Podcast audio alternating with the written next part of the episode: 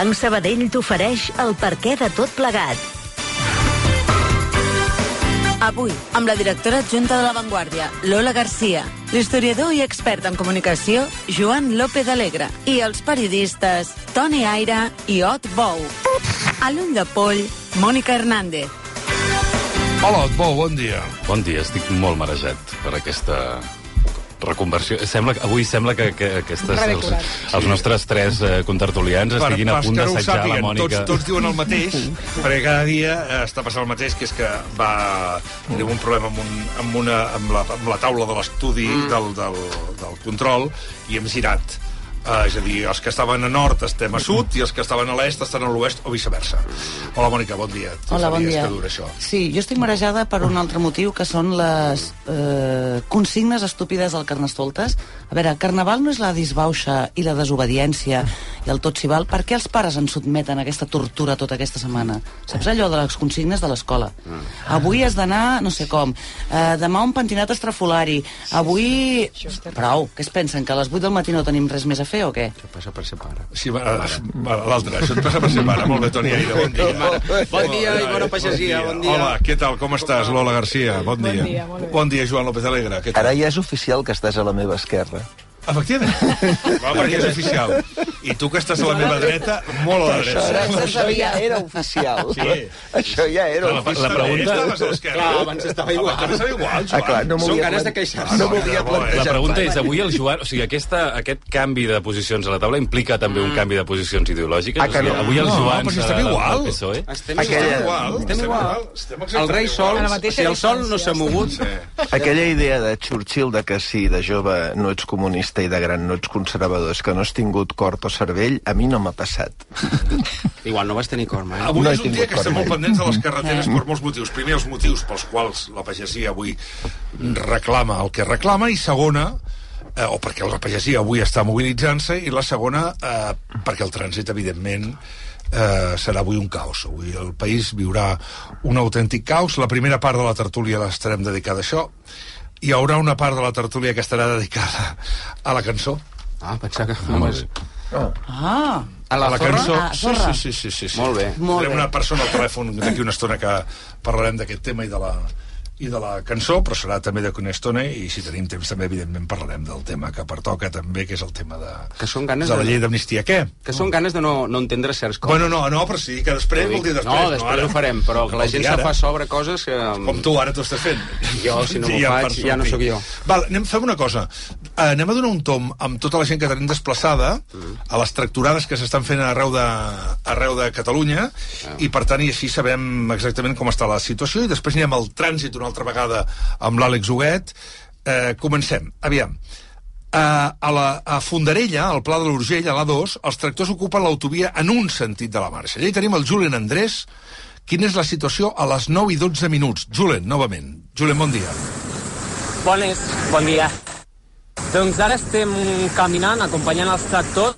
Hem sortit de Fondarella i estem anant direcció Barcelona perquè la intenció és unir-se amb els de l'àrea de servei de Vilassana que, i, i tallar els dos sentits de l'autovia.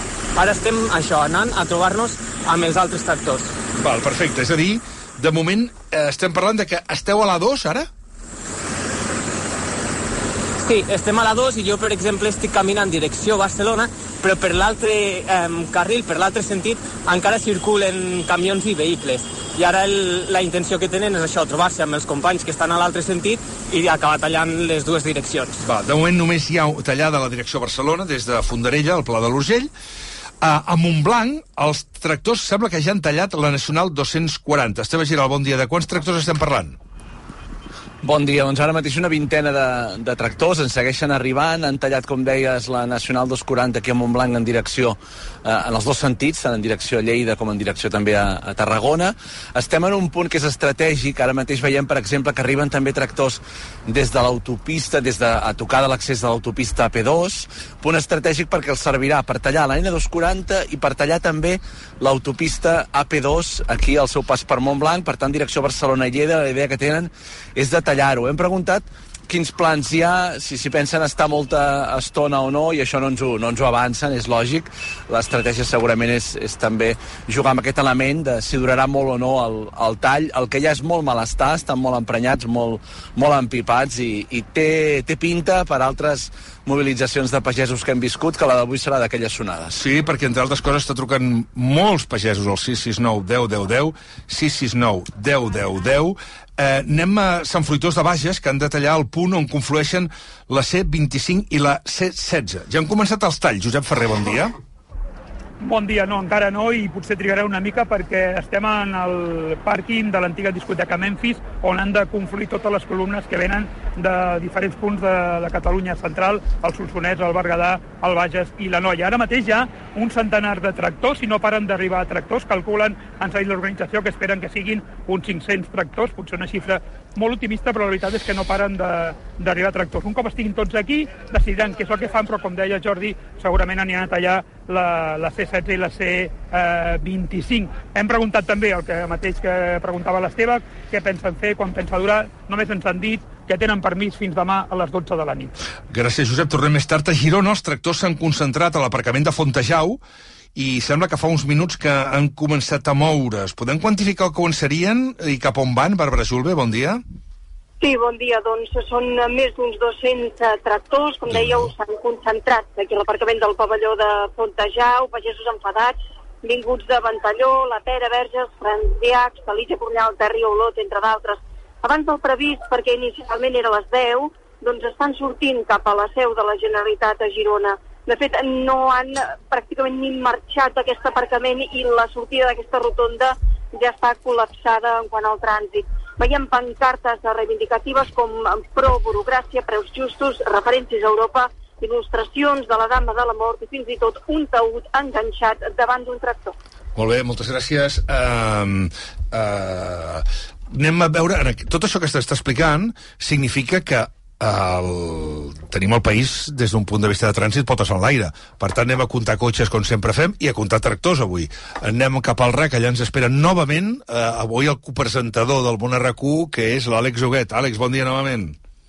I poc en falta, la veritat, la via més gran aquest matí afectada per les mobilitzacions és l'A2 des de primera hora amb, amb el tall més destacat a Belllloc d'Urgell, però la marxa lenta des del tram de Tàrrega amb més de 30 quilòmetres afectats en, a, en aquesta A2, però també eh, marxes en vies prop de poblacions com Mollerussa, Puiggròs i a Tarragona fins a quatre vies amb marxes lentes. Destaquem l'ENA 420 ara entre els trams de Guiamets i Marçà i també entre Mora d'Ebre i Corbera d'Ebre. La demarcació de Girona han destacat sobretot els talls a la C252 a Torroella de Fluvià i també a la carretera de Verges i a Barcelona a l'ENA 340 a Vilafranca, a la C17 entre entre Vic i Malla, així com a la C55 a altura de Manresa. A més d'aquestes mobilitzacions s'han sumat algunes incidències a la xarxa viària en trams importants. Ara ja van a la baixa, tot i que destaquem encara aquest camió avariat a l'AP7 des de primera hora del matí, des d'abans de les 6 de la matinada, entre Sant Cugat del Vallès i el Papiol en sentit Girona, ara ja menys cues, però encara amb un carril tallat. És tot des del RAC. Molt bon dia. Bon dia, Àlex. Eh, tornem més tard d'aquí poca estona. És un quart tocat de 10 del matí. Jordi Pujol Dolcet, bon dia. Bon dia. Estem parlant amb el pagès més popular, segurament, de Catalunya en aquests moments, sense cap mena de dubtes, perquè Jordi Pujol Dolcet, si algú pel nom no el coneix, és el pagès protagonista de la pel·lícula El Carràs, el Quimet.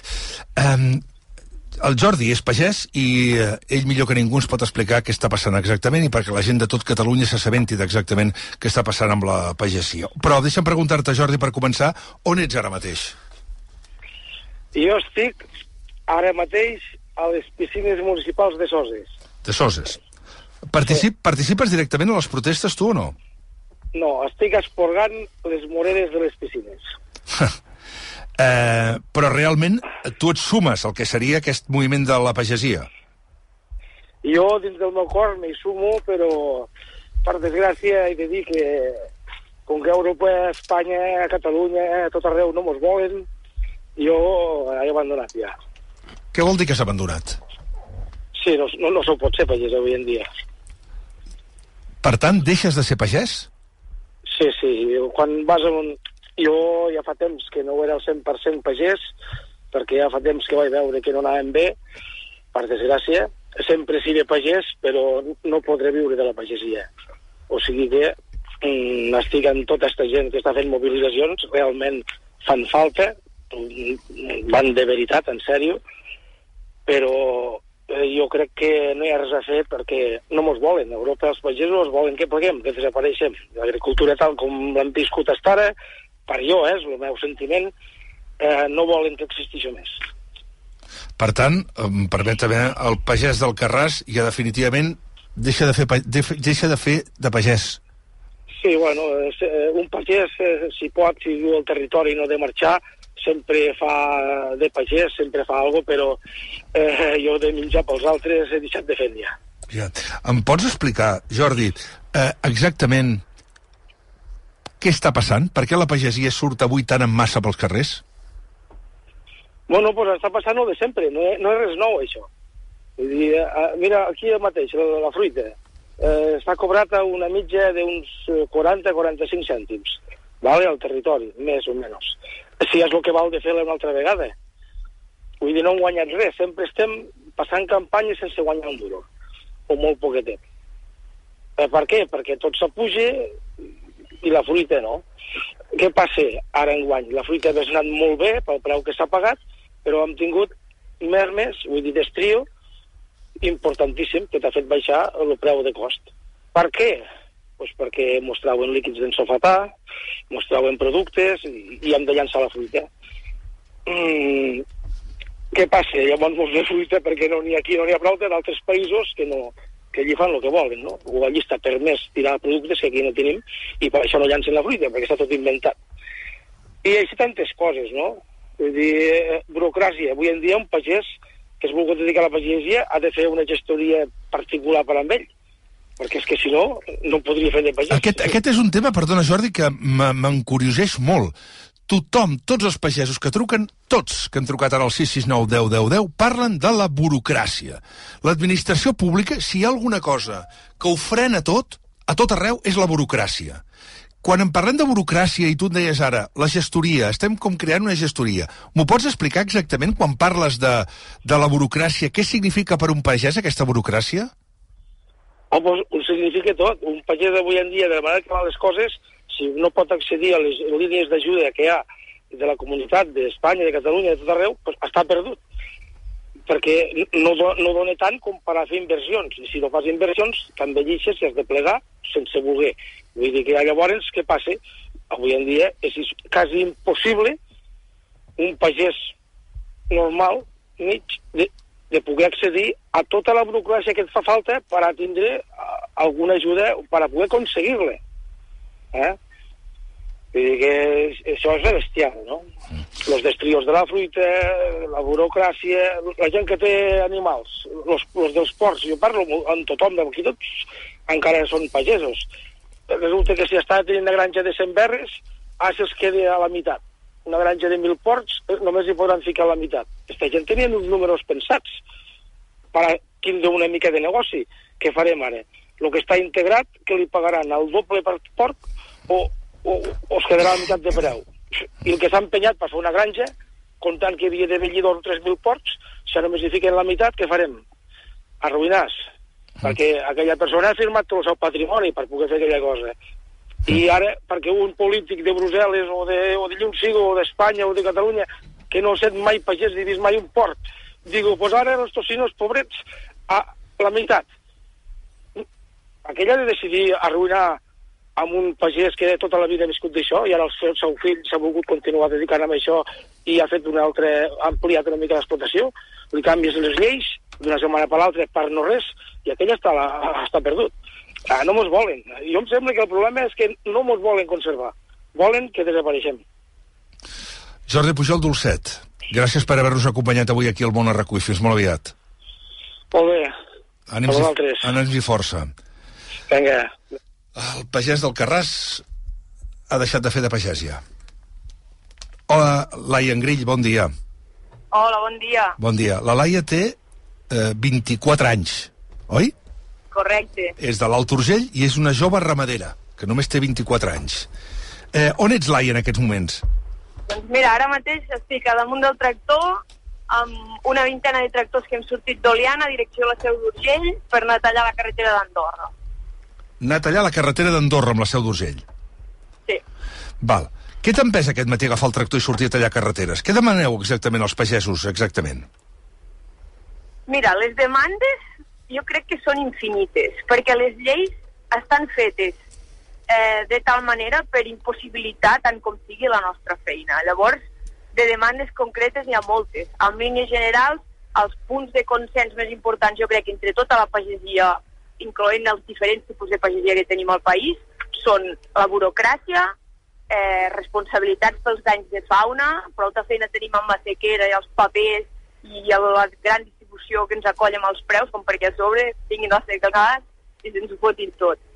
I, I una mica també, sobretot, eh, reclamar-li a l'administració que volem més espais de diàleg, que volem participar de les lleis, que no ens fiquem de cul a tot el que proposen, però que ho han de fer amb seny, que ens han d'escoltar, que ens han de valorar, perquè ens sentim eh, completament ignorats i que només ens posen pals a les rodes. Mm.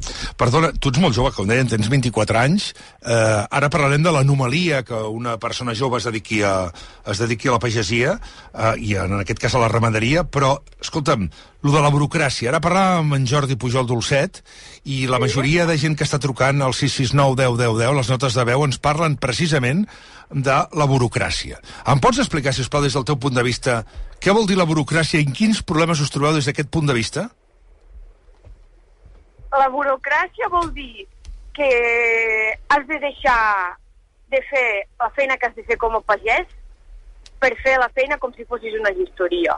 Vol dir que a lo millor un dia has hagut d'anar a l'oficina i no t'hauria calgut anar perquè te manen papers que a l'opinió de molts són absolutament innecessaris uh, i aquell mateix dia t'haurà parit una vaca i t'haurà mort un vedell.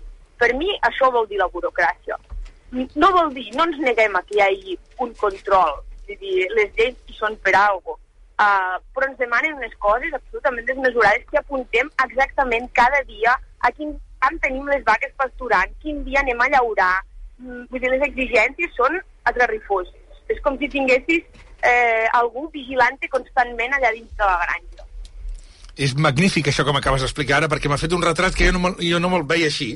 És a dir, mentre tens un problema que a tu t'aniria molt bé per un tema de, de la teva feina, eh, has d'estar pendent d'un altre que no és la teva feina, que és la burocràcia lenta de l'administració pública, que afecta bueno, no només... L'administració ha decidit externalitzar-la en nosaltres.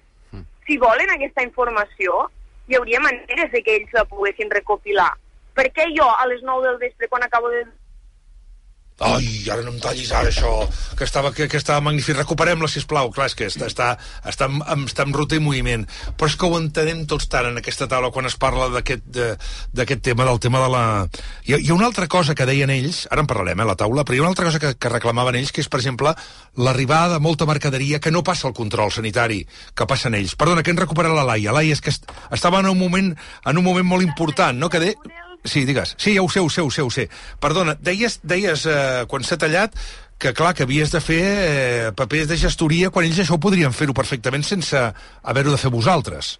Sí, clar, el que ens demanaven fins ara podia ser raonable, però el que, el que ens volen imposar a partir d'ara no és raonable per un pagès, i menys per un pagès petit que no es pot permetre tenir una administrativa allà treballant a jornada completa. Clar, qui, qui us ho demana, això? La burocràcia, estem parlant de la burocràcia del govern de la Generalitat, del Ministeri d'Agricultura, estem parlant d'Europa? De, mm.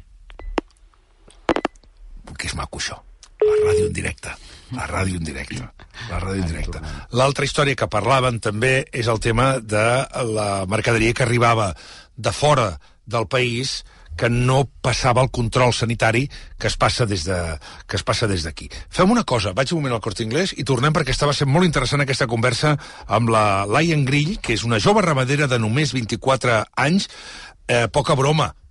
Estem parlant d'una noia que es va llicenciar en Global Studies a la Pompeu Fabra, però va decidir tornar a casa per treballar a la finca ramadera de la família. Poca broma, la tornem a recuperar, a la Laia, la tornem a recuperar abans de la cort inglès.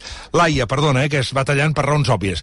M'explicaves sí. això, eh, m'explicaves que, que... I jo preguntava si era... Ens ho demani tothom, eh, eh, he sentit la pregunta. Eh, eh, jo crec que hi ha una tendència general a Europa, hi ha un consens polític per caminar no, cap a la política verda, eh, però Catalunya es passa de frenada. i ens genera, eh, fins i tot, pot arribar a generar una competència deslleial en les diferents normatives que hi ha dintre l'estat espanyol. Vull dir, quan ens demanin una cosa, Catalunya sempre imposa el termini més curt, les exigències més altes. I els pagesos no ens neguem això, però volem treballar amb igualtat de condicions. Val. Quan estem parlant, Laia, del que us està passant, per exemple, hi ha molta gent que també, ara ho escoltarem, eh, perquè tenim moltes, moltes notes de veu de, molt rama, de, de, de molts pagesos, que ens parlen de que, hi ha, a més, també hi ha un altre problema, que és que els pagesos d'aquí teniu un control molt gran pel que, mm, per exemple, en el sector de la fruita, de tot el que us arriba, heu de passar 50.000 controls de sanitat i, en canvi, molta fruita, per exemple, que arriba des de fora, no passa aquest control sanitari. Això és cert i és correcte. Això és veritat, també, eh? És cert, és cert. De fet, uh, no, no només la fruita, vull dir, en, en sanitat animal, entren productes a Catalunya que són una aberració per nosaltres, comparat amb els que hem de complir. Una aberració, ha dit una aberració. Ara intentarem recuperar, aviam si tenim més sort, encara que sigui d'aquí 10 minuts, és igual, no us preocupeu, perquè realment estan anant cap a Andorra per tallar la, la carretera que uneix la seu eh, d'Urgell amb Andorra. Com dèiem, al 669 10 10 10 estem rebent notes de veu de la pagesia, al WhatsApp del món Arracú, i com sempre n'hem fet una selecció. Comencem pel sud del país, pel Baix Ebre. L'Albert, escolteu. L'únic que demanem és seguretat alimentària per als consumidors. No, no anem a demanar res més. Seguretat alimentària per als consumidors. I això cada cop és més difícil. La burocràcia ens està ofegant i el més fumut de tot és que el 60% de la pagesia tenen 65 anys o més sense relleu generacional. Per tant, a final d'aquesta dècada, teniu en compte una cosa, als prestatges farà falta menjar i ens ho passarem malament. Empreneu-vos-ho en serió. Forta aquesta, eh? Mm. És una amenaça, clarament, eh? Dient que no hi haurà menjar, eh? Al final està dient seguretat alimentària, una, està parlant de burocràcia, una altra vegada torna a aparèixer la burocràcia. Això de la burocràcia no és només patrimoni de la pagesia, eh? És, és l'administració pública. I després la tercera és que la gent del que es dedica en el, a la pagesia, l'anomalia és la laia però tots tenen, la majoria, més del 60%, més de 65 anys. La Sabina, des de Lleida. L'únic que volem és seguir donant menjar a la gent, que se recordin que som els que alimentem a tothom. Simplement això. Ens hem de moure, hem de sortir de casa perquè us en recordeu que sense nosaltres vosaltres no mengeu. Mm, després, la, el Ricard de les Borges reivindica la feina de la pagesia com a protectors del territori. Reivindiquem preus més justos, que se'ns faci cas, que som uns gestors del territori, que gràcies a nosaltres les terres estan conreades i no abandonades, en perill d'incendis i altres coses. Que no només mos han de mirar mm, que comprar la fruita més barata de Xile amb, amb preus que nosaltres no podem competir, amb productes fitosanitaris que nosaltres no podem competir, perquè ells los tenen i a nosaltres ens els prohibeixen. No, no hi ha dret. Acabareu amb nosaltres si no ens feu cas. El Valentí, que és ramader, parla de la llei de seguretat alimentària. Hi ha molts temes i molts arguments per anar a la manifestació, però n'hi ha un que és cap dalt i és el tema de la llei de seguretat alimentària, que fa anys que està aprovada, que està debatuda, però no està aplicada. I és una llei que permet que el petit productor no vengui al seu gènere per un preu digne, és a dir, que la, moltes vegades l'han de vendre per sota dels, dels preus de costos de producció. I això s'entén que és intolerable. Mm, la Cristina és tècnica de camp. Hi ha moltes matèries actives que aquí fa anys que estan prohibides i, en canvi, a països, per exemple, com Mèxic, Colòmbia, etc, encara estan permeses. Vull dir, com és possible que aquí ho considerem un risc per la seguretat alimentària i allí no, i en canvi s'importa sense cap problema. Després, els processos de, de quaderns de camp, eh, noves normatives, eh, paperassa en general, ens fan passar més temps davant d'un ordinador mm, que a camp. En aquesta mateixa línia, el Xavi de Guimarà posa un exemple. Una de les raons que manifestem és que n'estem farts de que ens arribin productes de fora que no compleixin les mateixes normes que nosaltres, doncs a nivell de producció, com podria ser els fitosanitaris i els fertilitzants, i a nivell de traçabilitat. Al final, això fa que nosaltres no siguem competitius i un clar exemple de tot això és tots els cereals que ens arriben de fora de la comunitat europea al port de Tarragona. Ximpum. O el Ramon de l'Urgell, que denuncia que afronten massa controls. Estem molt cremats de l'administració, dels forestals, dels funcionaris. Aviat hi haurà més gent que ens controli que no pas treballant. El que passarà és que quan nosaltres ens cansem perquè no podrem més, no sé si ells s'aixecaran a les 6 del matí per anar a treballar al tros, per anar a les granges i per posar el plat a taula a vosaltres. O sigui que eh, si no voleu que això continuï d'aquesta manera, continueu així, sense ajudar-nos. Però al final la cosa acabarà malament. El francès del Baix Camp fa un símil amb la indústria de l'automòbil. Ara imagineu-vos que els governants de la Unió Europea decidissin que aquí només es poden produir cotxes elèctrics i que, per tant, la SEAT només pot produir cotxes elèctrics.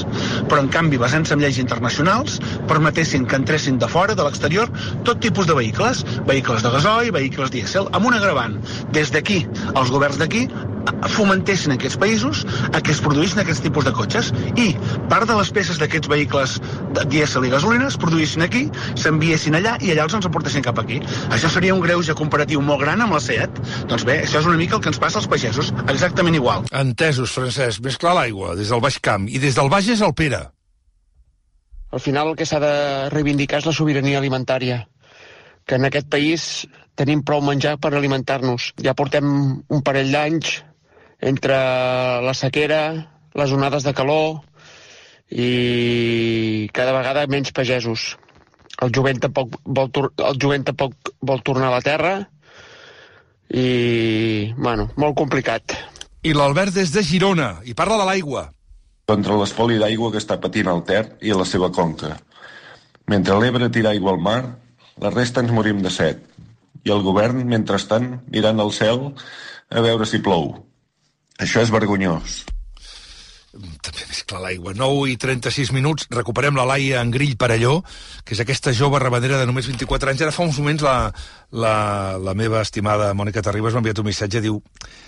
Uh, és, est, aquestes entrevistes el que demostren és que una noia de 24 anys lluiti mentre el Pujol Dolcet es rendeixi, és el retrat de l'esgotament de la pagesia. Les generacions es cremen més de pressa que en altres feines perquè el desgast mental i físic pel rendiment del treball no compensa l'amor que senten per la feina, en aquest cas per la, per la terra. Laia, ja no sé on ens hem perdut abans.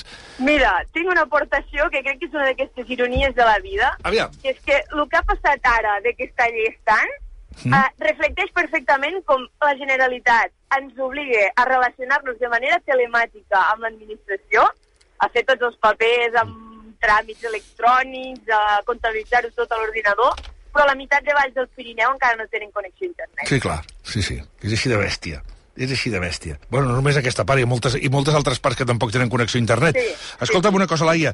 Eh, parlàvem, i ara i escoltàvem molts pagesos, no? Es parlava, un és la burocràcia. L'altre tema que parlàveu era de la seguretat alimentària. Eh, clar, aquí estem parlant de que, per exemple, en, en el teu sector, quan parlem de seguretat alimentària, és que, i ara ho parlaves, que arribaven bestiar d'altres llocs, de, d'altres llocs de fora de la Unió Europea que no passaven el control sanitari que han de passar, per exemple, a vosaltres. Correcte. L'administració sempre s'intenta cobrir les espatlles i que fan analítiques aleatòries i que sí que tenen les seves mesures de control, però la realitat tots la sabem.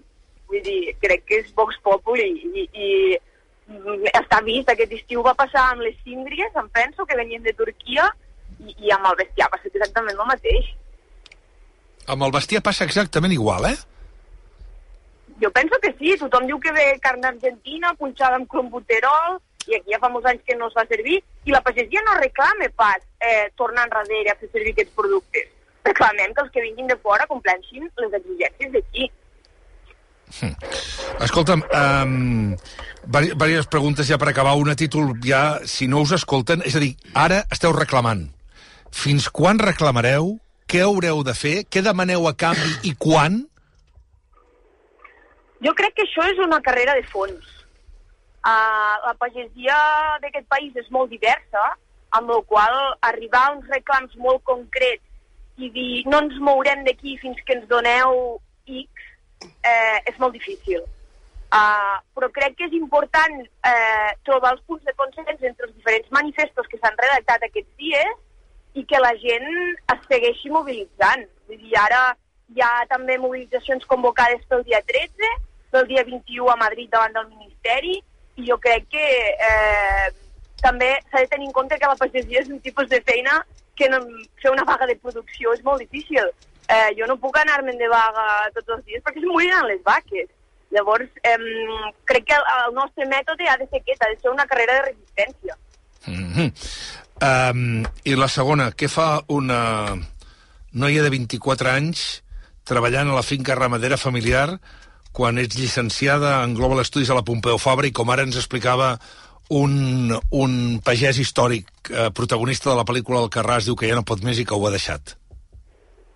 Mira, eh, intento bonament aplicar el que vaig aprendre a Global Studies, perquè allà vam aprendre com són els protocols de política verda i els plans i els projectes, eh, però si vols canviar el món has d'anar a treballar a la terra i l'has de treballar eh, justament eh, amb les garanties, vull dir, amb, amb els valors que tu tens, mm, crec que no hi ha res més efectiu eh, que materialitzar allò que defenses jo tenia claríssim, soc filla única, la meva granja s'ha hagut de plegar, i és una cosa que no volia tirar torrent avall l'esforç de la meva família tantes generacions, uh, i a més a més era una cosa que, pues, collons, si són els meus valors, hi hem d'anar, hi hem de fer, no, no quedarà ningú si no ho fem al jovent. Deu ser un rara, una rara avis, no tu, en el sector, perquè no només això, és que hi ha molt poques noies que hi treballen, que, i suposo que et deu sentir doblement discriminada per aquest fet, també, és clar. Te'n sents més al carrer que dins les organitzacions agràries i a les cooperatives. Els comentaris de carrer eh, t'has de fer la pell molt dura perquè no t'afectin. Jo personalment n'he rebut, com la majoria de dones que treballen al sector, eh, però cada dia n'hi ha més. També penso que hem de reivindicar la figura de les padrines. Tampoc és que no hi hagi eh, pageses al sector, sinó que no se les ha mirat mai, no se les ha escoltat mai. Les padrines estaven allà cuidant els porcs i les gallines tota la vida i també anem pageses i, i hem de reivindicar aquesta figura. Mm. Acabo, Laia. Uh, què podem fer els consumidors? Els consumidors, mira, l'arma més potent que hi ha és comprar directament al pagès. Avui en dia ja hi ha plataformes online que ho permeten, hi ha un projecte que diu Terra Pagesa per l'àrea metropolitana, que agrupa diferents eh, productors, mm, i aquesta és la manera en la que t'assegures que com a mínim el pagès té el poder eh, de fixar un preu que considere que es podrà guanyar la vida i podrà seguir el seu projecte endavant. Com has dit Quan que es deia? Compres... Terra Pagesa es diu el projecte. Uh -huh. Hi ha una web on hi ha diferents productors de Catalunya i es pot fer comandes online i t'ho envien a casa. Uh -huh. I, no. Igual que en els mercats de barri. Jo crec que és, és l'arma més potent que hi ha. I una, perdona'm una cosa molt important, Laia. Eh, del que jo ho compro en un mercat o un supermercat, o digue-li com puguis, o un hipermercat, digue-li com vulguis, el cost que, que, que, que t'ho paguen a tu, quina diferència pot haver-hi? Home, la, la forquilla és molt àmplia. Uh, depèn de la demanda, depèn del volum que produeixis tu, però és bèstia, pot arribar a duplicar el, el, el cost de la distribució, el marge que s'agafa el distribuïdor. Normalment eh, el petit pagès té molt poc marge de maniobra per negociar el preu, pràcticament inexistent moltes vegades. Mm. I una última pregunta, el canvi climàtic com us afecta? Com està canviant també els hàbits? Bé, jo crec que aquí la pagesia té diversos posicionaments, però crec que és evident, i el que no vulgui veure la sequera que hi ha és que està molt sec. I com a pagesos hem de prendre consciència també, mesurar l'aigua que gastem, eh, però això sí, que ens donin prioritat, perquè no hi ha res més prioritari per un país que produir menjar per la seva alimentació. I ens afecta de moltes maneres. Els cultius, cultius que havien funcionat tota la vida doncs ja no funcionen, és molt més difícil tirar-los endavant, molta gent es queda sense regar, es queda sense poder alimentar el seu bestiar, els que, els que s'autoprodueixen el menjar, que tampoc són tots. Mm, vull dir, defectes n'hi ha sé, infinit. Eh, si vols comunicar alguna cosa més, Laia, els micròfons de RAC1 són tots teus. Vull, vull que la societat ens escolti, que ens ofereixi el seu suport, eh, vull que les organitzacions que ara mateix estan una mica equidistants respecte al tema, perquè són, per exemple, doncs, eh, cooperatives que han de negociar amb la indústria i no es volen posar de cul amb la indústria, eh, vull que es posicionin. Eh, ja estem en una situació crítica, el que no es posicione està sent un covard i crec que la pagesia d'aquest país es mereix eh, el ressò que està tenint aquest Una abraçada molt forta a Laia Engrill Parelló. És un plaer haver-te escoltat avui, escoltar-te avui aquí al Món RQ. Només té 24 anys, és a l'Alt Urgell. És una jove ramadera que decideix tirar endavant la finca ramadera familiar. Eh, eh, eh, hem pogut escoltar-la després d'escoltar en Jordi Pujol Dolcet, que va ser en Quimet, el pagès de la pel·lícula de la Carla Simón multipremiada al Carràs, i que ja ha dit que ell dona suport a aquestes manifestacions, que està al costat de la pagesia, però que definitivament ja ha llançat la tovallola. La realitat d'uns i la realitat d'uns altres. De seguida continuarem escoltant pagesos que estan enviant missatges, notes de veu breus al 669 10 10 10. 669 10 10 10. Per què es mobilitzen els pagesos? Nexe d'unió en tots ells la burocràcia, nexe d'unió a tots ells la seguretat alimentària. Ara en parlem a tres quarts de deu del matí.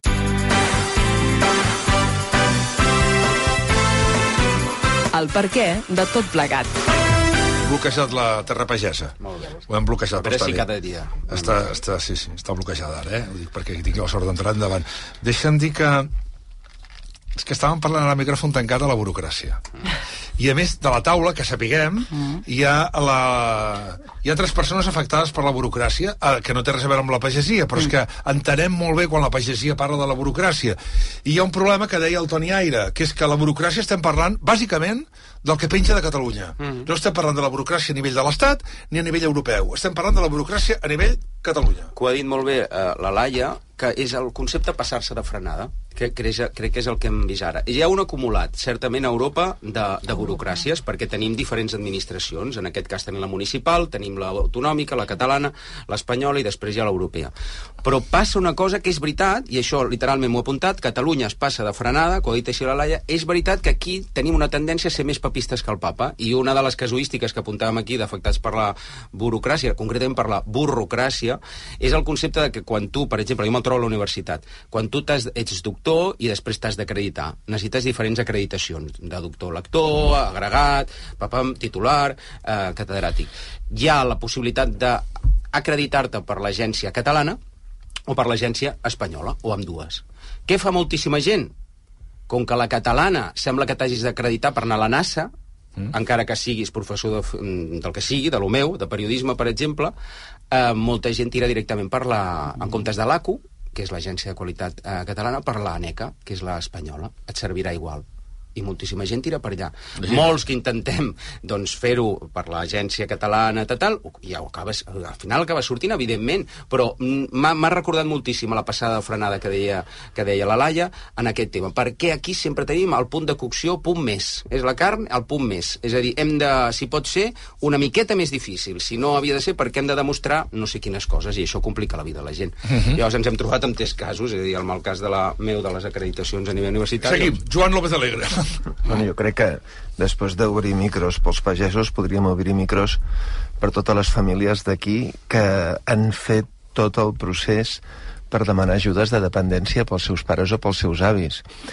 Quanta paperassa has de presentar? Primera part de, de, de tota la burocràcia, perquè tens que anar a diverses oficines, tant de l'Ajuntament com de la Generalitat. Segona, quant de temps tarden a venir a, a casa dels teus pares o dels teus avis, en el meu cas eren els meus pares, a fer-los les proves. Jo aquesta part la trobo bé, o sigui, crec que no n'hi ha prou en presentar papers i trobo que els diners de la gent s'han de vetllar i, per tant, que vingui algú a casa teva a fer proves i a comprovar l'estat d'aquestes persones, ho trobo bé, però no tindria que passar més d'un any entre que presentes la documentació i ve una persona. El temps que tarden a dir-te si et donen o no et donen la dependència, que torna a ser un altre femer de mesos, i després la part més llarga és des del moment que et diuen sí, sí, aquesta persona té dret a la dependència, fins que arribes a cobrar, que passa més d'un any, de tal manera que cada any moren a Catalunya milers de persones que tenen reconeguda una dependència, però en realitat no arriben mai a tenir una ajuda. Mm. I aquesta és la segona. I no, Lola. No, subscric absolutament tot aquest procés mm. perquè ho vaig veure amb els, seus, amb els meus sogres i realment és, eh, és, eh, és extenuant. I també subscric la reflexió de eh, hem de tenir cura dels, dels diners públics. Efectivament, s'ha de fer eh, molt de control. El que passa és que et cabreges quan la quan la eh, burocràcia no té sentit. Vull dir, eh, per exemple, jo és, un, és una anècdota molt anècdota, però eh, he comprat un cotxe elèctric i hi ha una subvenció, no? I llavors, clar, eh, quan has de demanar la subvenció que et posen que et donen, eh, es donen ells mateixos dos anys per donar-te-la o no, eh, que no està malament, eh, clar, hi ha un, tot un procés per fer-ho online, que, que requereix que siguis una mica eh, experta en informàtica perquè has de canviar els documents de, de format, has d'enviar-los d'una determinada manera, en fi, això sí que no té sentit. O sigui, no, perquè això no suposa un control més, més eh, sobre si, si realment m'he comprat el cotxe o no o requereix. O sigui, això no és un control sobre els fets és un, és un caprici de... A mi em va millor que m'ho envies en aquest format o en aquest Però altre. Però dels dos anys és curiós, perquè la normativa mercantil entre empreses diu que si algú paga una factura amb un retard de més de 60 dies, ja està per això, per això a Espanya estem als últims de tota Europa en el tema de cotxe elèctric. I expulsa, o sigui i, ex, I expulsa gent del procés, com el que hem vist ara a la pagesia. Clar, en el cas dels pagesos, a més a més, és el que dèieu, no? tenen subvencions europees eh, i, i subvencions estatals i de la comunitat i per tant tot això encara és més, més complicat i suposo, i a més a més depenen molt d'aquestes subvencions. Hi ha un fenomen curiós amb tot això que és que, clar, la major part de reclamacions són a Europa, perquè estan demanant doncs, eh, que Europa posi eh, límits a, a les importacions, no? condicions a les importacions. Estan demanant també que probablement tot el tema de canvi climàtic i de lluitar contra el canvi climàtic es faci d'una altra manera, perquè, perquè si es fa massa ràpid o amb unes condicions que perjudiquen eh, eh, les seves produccions, doncs és pitjor per ells, però al mateix temps això és contradictori perquè és el canvi climàtic el que, el, el que està fent que hi hagi sequera i que per tant tinguin més problemes. O sigui, és tot... Eh, estem en un moment crític en aquest sector eh, a Europa perquè es vol fer un, un tipus de producció diferent. També jo distingiria molt a, als tipus de pagesos, perquè aquí hem parlat de pagesos i pagesos n'hi ha molts. O sigui, una cosa és una petita producció i una mm. altra cosa és una producció gran. I, eh, per exemple, a la zona de València o Múrcia hi ha produccions molt grans que potser ten, tens una, una collita de tomàquets, eh, tres collites de tomàquets en un any. I això suposa molta aigua, suposa que el sol està eh, superexplotat, eh, suposa una sèrie de coses que Europa pot, vol posar-hi fre, no? I per tant, jo crec que és bastant complexa com per parlar i ficar tothom, eh? Pagesos, pagesos n'hi ha molts, eh? Sí, sí, sí. I dels que es manifesten també n'hi ha molts, que sí. això en parlaríem. Otbou. Um, jo estic d'acord amb això últim que ha dit la Lola, de tota manera, el problema de la, o sigui, la, la, la burocràcia és exasperant, és una part pesadíssima del procés, com ara deia el Toni també, és una cosa que contribueix a l'expulsió de molta gent de, del sistema, o que eh, moltes vegades agreuja desigualtats perquè la gent que mm, li és més difícil eh, per raó d'edat, per raó de classe, per raó del que sigui, doncs la, la frena a aconseguir tota, tota una sèrie d'ajudes, per exemple, per seguir l'exemple que deia la Lola, però el, el problema és que la gent de la pagesia no vol viure d'ajudes. La gent de la pagesia vol que el seu model econòmic sigui sostenible i que sigui viable. I llavors, a, a mi mm, em, em sembla que heu tocat molt el moll de l'os amb l'entrevista a la Laia Grill, que, que per cert ha estat fantàstica, um, quan parlàveu del, dels problemes de la cadena alimentària en, en aquest país el que ha passat és que el, el, el, els, els preus, diguem-ne, i, el, i la, la subsistència econòmica de la, de, la, de la petita i mitjana pagesia estan completament segrestats per les grans empreses de la distribució que, té, que eh, em sembla que multipliquen per set els beneficis del, dels pagesos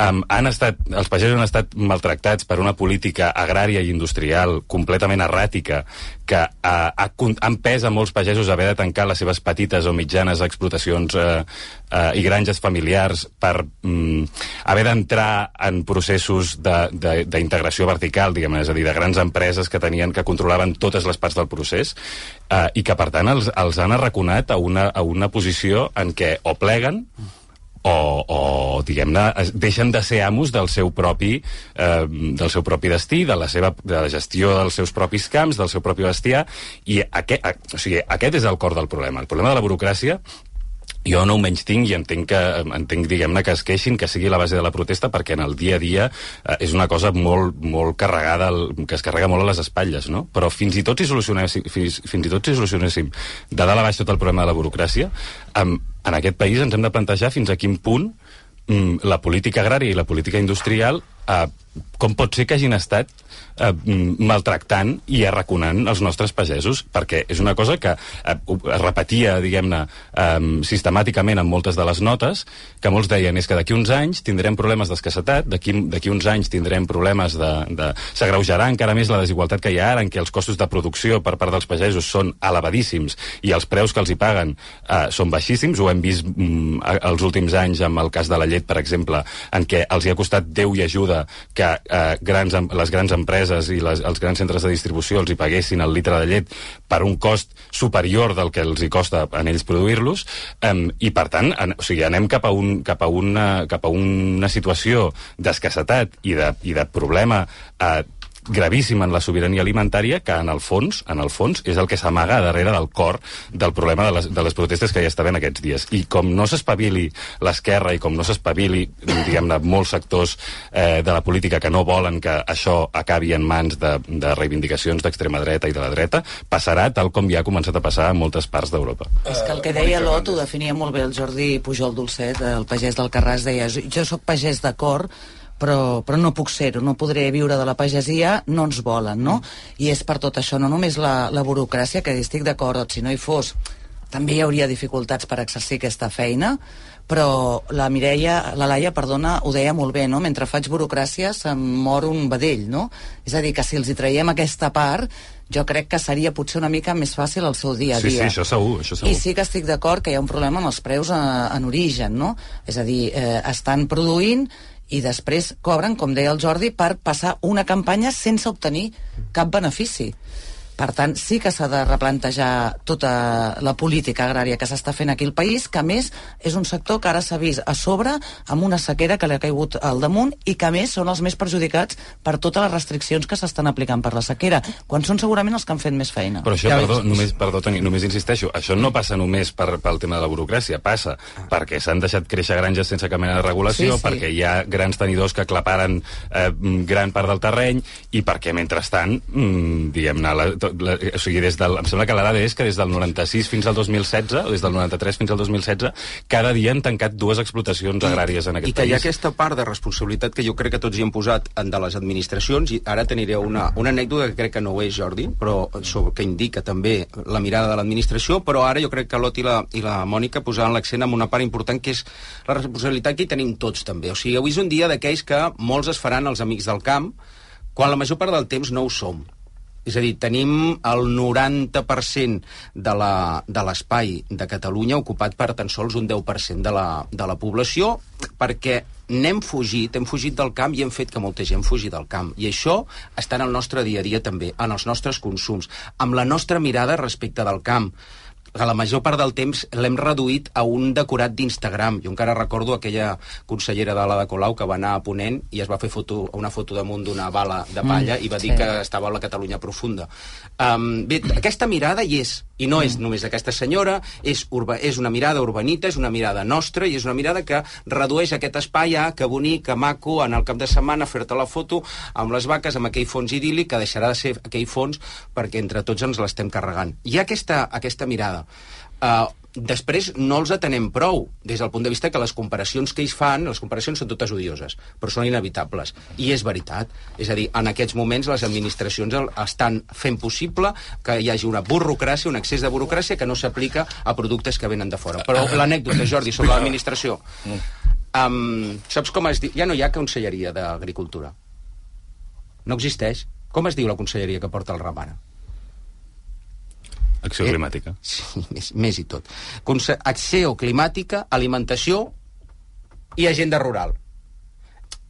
Antes hi havia conselleria d'agricultura, ja de ramaderia i pesca, Ramaderia ni i en, ni, en, par- ni en parlem, ja directament. Però on- on està l'agricultura? ni des del pu- el nom de vegades fa la cosa. Deixa'm dir que mm, avui veureu, una fotografia que s'està fent molt viral, els companys dels, del, del diari Segre l'estan rebotant, que és una, una que a la zona del Pla a Fondarella, s'està fent que és, que és una pancarta que diu eh, abans els rucs llauraven, ara ens manen. Que és, una, que és una de les pancartes que segurament s'està fent més viral aquest matí. Són les 10 i 2 minuts, anem a donar un tom precisament per aquesta gent que avui ens està explicant com està la situació a Montblanc. I també ara també avisem que eh, també sabrem com està la situació del trànsit en aquests moments. Eh? Es parlen ja d'aproximadament entre 700 i 800 tractors que estarien participant en aquesta mobilització avui pel país. A Montblanc, els tractors ja han tallat la Nacional 240 i ara acaben de tallar l'AP2 en els dos sentits de la marxa. Hola de nou, Esteve. Quina és la situació a aquesta hora? Doncs ara mateix acaben de, de tallar, com bé dius, la- l'autopista AP2 a Montblanc, en els dos sentits de la circulació, per tant, direcció Lleida i també direcció Barcelona. Déu-n'hi-do la mobilització, fa anys que no vèiem una, una mobilització d'aquest abast, la veritat.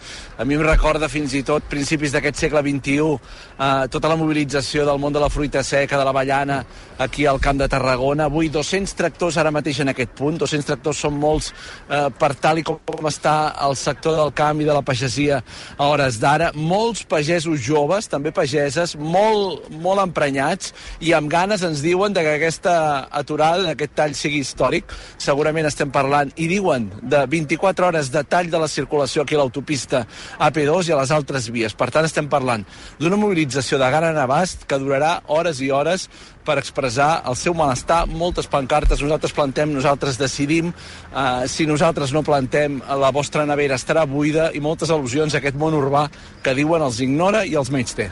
Uh -huh. Certament. També, eh, Esteve, hem de dir... eh, Has dit que hi havia molta gent jove, Esteve.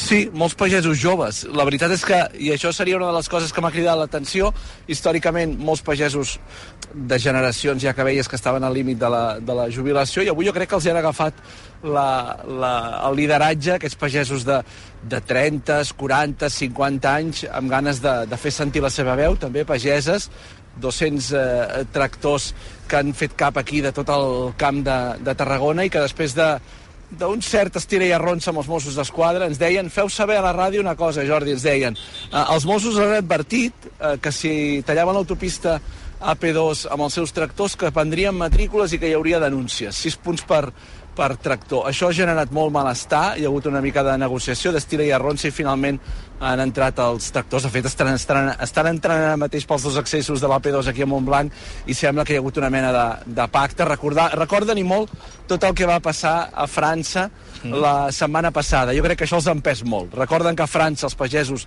van tenir aquesta capacitat de mobilització extraordinària i jo crec que ells ara volen fer sentir també la, la seva veu.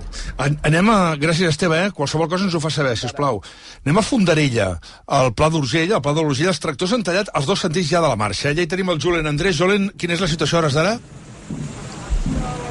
Hola, bones. Doncs ara ens trobem a l'altura de Mollerussa, hem començat a Fond- Fondarella, hem anat caminant a poc a poc i hem arribat a l'altura de Fondarella, que és on s'han trobat els, els tractors en tots dos sentits, i ara estem aturats aquí. Just a davant tinc la, la pancarta que comentaves, Jordi, la, de, la que deien que abans els rucs eh, llauraven i ara són els que manen, acompanyada d'un ninot penjat, hi ha un pagès tocant el tambor i dir-te que ara hem fet aquí una petita foguera, estan al foc, esmorzant tranquils i esperant a veure quines són les, les següents actuacions. El que volíem fer és tallar també els, els carrils laterals. Està l'autovia tallada, però pel lateral es pot circular. I també ho volien tallar, però de moment no, no fan res. Gràcies. Anem a Girona. Els tractors van en direcció a la delegació de la Generalitat de Catalunya. Bàrbara Julve, bon dia. Sí, bon dia. Tres grans tractors encapçalen la manifestació que es dirigeix, eh, com dèieu, a la Generalitat de Girona. Ara mateix estan circulant amb lentitud per Jaume I. A darrere de la capçalera, més de 300 tractors, segons l'Unió de Pagesos, s'han afegit a aquesta marxa que vol fer sentir la seva veu davant la seu del govern i que ha sortit de l'aparcament de Fontejau. Sirenes, claxons omplen aquests carrers més cèntrics eh, de Girona. El trànsit està tallat, aquestes vies, i col·lapsat a les zones properes de la manifestació. Hi participen pagesos a d'arreu de les comarques de Girona, des de l'Alt Empordà, passant pel Pla de l'Estany fins al Ripollès. Gràcies, Bàrbara. Anem cap a Sant Fruitós de Bages. Encara no ha començat el tall de la C16 i la C25. Josep Ferrer, bon dia. Bon dia, doncs mira Jordi, connexió molt oportuna perquè per davant meu acaben de passar els primers tractors que estan tallant ja la C16 direcció Berga. Per tant, direcció nord ja no es pot eh, circular i jo estic a la confluència de la C16 amb la C25. Acaben de passar els primers tractors, per tant, es preveu que eh. en els pròxims minuts la C25 també quedi tallada suposant que en els dos sentits de la marxa. En aquest cas, eh, Jordi, coincideixo amb la precisió de l'Esteve. Hem vist molts pagesos joves, que són els que estan liderant la protesta, i també moltes dones pageses. Moltes gràcies, Josep Ferrer, també des de Sant Fruitós de Bages. Anem cap al RAC per saber com està en aquests moments la situació de, del trànsit del país. Suposo que un matí complicadíssim a les 10 i 8 minuts. Uh, Àlex Huguet, bon dia. Molt bon dia, doncs sí, molt complicat. Algunes de les marxes lentes, però les de primera hora ja han finalitzat el seu recorregut o s'han ajuntat amb altres, tot i que la demarcació de Lleida és on continuen molts eh, dels punts més importants afectats per aquestes mobilitzacions a l'espera que avancin aquestes de la P7 i la P2 també, encara amb el tall aquest eh, de l'A2 com a principal punt de trobada entre els trams de Belllloc d'Urgell i Tàrrega i això sí, hi ha desviaments de la circulació per la Nacional 2 i a la sortida 487. Encara per la demarcació hi ha marxes eh, per les poblacions de Miralcamp, Mollerussa, Golmer, més o arribant a la ciutat de Lleida. Mentrestant, en altres, zones, en altres zones continuen les mobilitzacions a la C51, a Vilarrodona cap al Vendrell, a la C14 a Alcover pel que fa a la demarcació de Tarragona. A Girona destaquem el tall encara a la carretera de Verges des de primera hora i a la demarcació de Barcelona la via més afectada és la C17 als trams de Vic i Gurb cap a Ripoll en un matí on hem anat dient que s'han ajuntat les mobilitzacions amb incidències que ja estan normalitzades en altres punts de la xarxa, tot i que es manté el carril tallat a la C25 a Muntanyola per un accident en sentit Girona i hi ha eh, desviaments senyalitzats per una altra incidència de la matinada a la carretera de Sant Hilari de Sacalm, prop de la ciutat de Barcelona. Encara hi queden trams de 3 quilòmetres de cues a les rondes en sentit Llobregat. És tot des del RAC. Bon dia. Gràcies, Àlex. I anem també cap a Estrasburg, perquè aquest matí també hi ha una protesta de pagesos al Parlament Europeu. Hola, Lluís Tobar. Bon dia. Què demanen? Hola.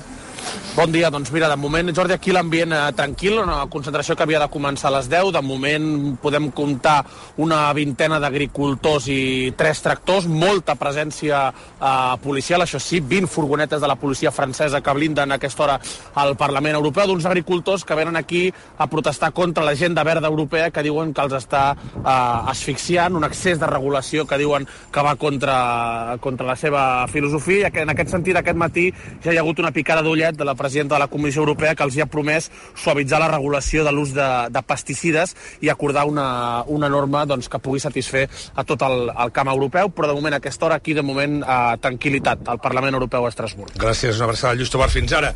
Són les 10 i 10 minuts. Eh, de seguida tornem aquí al Món Arrecu i en continuem parlant. Vinga.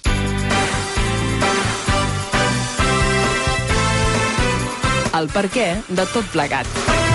Dos minuts i un quart d'onze del matí continuem a la tertúlia del Món Arracú. Bou, Joan López Alegra, Mònica Hernández, Lola Garcia, Toni Aire, avui aquí al Món Arracú, el dia que hi ha aquesta mobilització dels pagesos, el dia que la vicepresidenta tercera del govern d'Espanya i ministra de Transició Ecològica, Teresa Rivera, ha parlat de les protestes de la pagesia aquest matí a Ràdio Nacional d'Espanya, promès al sector que el govern espanyol els donarà suport per garantir que puguin tirar endavant, però admet que encara no sap com fer-ho.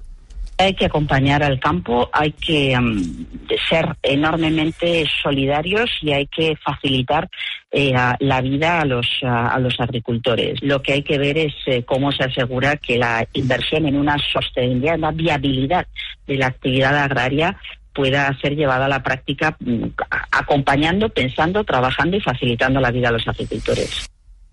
Deia, és, que no sabia com fer-ho. Sí, Bueno, això, Home, això, mira, això per tocar hi ha- el ministre Planes. Clar, clar, clar, clar, evidentment, Hi ha, evidentment. hi ha a lo millor Que tampoc algunes dades que, que poden servir per entendre les contradiccions. La, la població agrícola de la Unió Europea és a l'1% del total de eh, tots els habitants de la Unió Europea. Però, en canvi, la partida més important del pressupost de la Unió Europea és el que en diuen la política agrària comú, que és un 33% del pressupost de la Unió Europea. O sigui, un 1% se suposa, se suposa que un 1% de la gent, per la importància de que, òbviament, són els que fan el menjar, reben eh, una tercera part del pressupost de la Unió. I més o menys també és que Espanya, eh, això és una altra cosa, una altra dada molt divertida, el país, quan es diu sempre que som un país que rep diners i que estem subsidiats i tal, el país que més diners rep de la política agrària comú és Alemanya.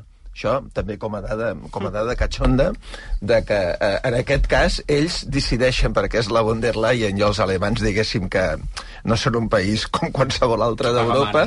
Exacte, tu tens tota la raó. Després hi ha una altra cosa molt curiosa que Estan és... molt preocupats amb Ucraïna, si entra Ucraïna a la Unió Europea... Aquí, eh, aquí, aquí això? una altra dada que potser pot ser interessant. Per Eh, això tot això ha, sorgit d'allà.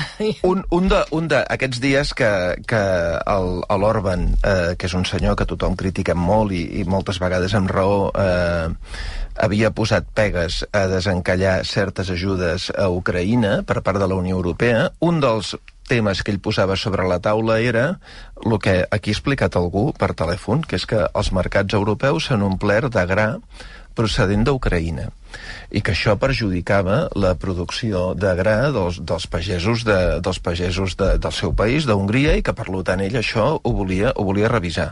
La Unió Europea té acords amb tercers països, amb, amb Turquia, amb Marroc, amb, en aquest cas ara amb Ucraïna. Tota aquesta gent entra a producte agrícola, si anem a qualsevol mercat o, o a un súper a comprar i mirem d'on són els productes, a lo millor ens sembla que són de proximitat, però després mires i posa Made in Marroco. La qual aquests acords que Europa legítimament té amb tercers països amb la voluntat d'ajudar a desenvolupar aquests països, té com a contradicció que aleshores la pagesia de casa nostra pateix. Us poso un exemple també molt ràpid. Resulta que la Unió Europea ha aprovat no fa gaire una directiva de sostenibilitat eh, d'informació no financera per les empreses, d'aplicació de drets humans a les empreses, per la qual una de les coses que s'imposa és que tu, si tens la teva empresa aquí però estàs produint, per exemple, gènere de punt a Indonèsia o a Bangladesh, tens una responsabilitat inclús penal sobre quines són les condicions de treball que té un treballador que està produint per tu samarretes o calçoteres, això ho explico perquè soc de Mataró, eh, eh, en, un, en un país d'aquests de, de molt lluny d'Àsia. Però, en canvi, ens truca gent avui aquí que diu, escolti, això, que ho fa una directiva europea, hi ha la contradicció de que, en canvi, amb aquests acords en tercers països pot entrar aquí qualsevol producte agrícola que no té tots els controls que, en canvi, passa una empresa de casa nostra. I, i una darrera eh, consideració. A Holanda, no fa gaire, fa uns mesos, van haver-hi eleccions eh, municipals i, i provincials. I va guanyar un partit eh, que va tenir com a bandera estem en contra del Green Deal, de, de l'acord verd de la Unió Europea, perquè els pagesos holandesos, que en el nostre imaginari són els senyors que fan tulipans però deuen fer més coses a part de tot això, eh, se n'han anat, anat a l'aigua. I aquest partit va guanyar les eleccions municipals eh, a Holanda, amb la qual estic també d'acord amb l'Ot que o algú es pren en sèrio tot això o al final hi ha gent que traurà aquesta bandera i se n'emportarà eh, el, premi, el premi electoral. Fet, ja ho estan intentant. Ahir la va meva, una, part, una part de la meva família, això ho he explicat alguna vegada, ve d'un poblet en la frontera entre la Sagarra i la Noia, que és Castellfollit de Riubregós. Fa uns anys, a Castellfollit hi havia dos bars, dos forns, eh, dos colmados, un estanc, una peluqueria i una merceria. A dia d'avui queda un bar que obre eh, migdia. Que és això que dèiem abans La de qual, que... si Catalunya essencialment es buida, no tens gent per fer aquesta no, el mena de feina. 90% de la, de la, del territori ocupat eh, pel, pel 10%. Què passa? Que, que els hem expulsat i, i n'hem marxat. Ara, ahir el ministre Planes em va semblar que responia pràctic.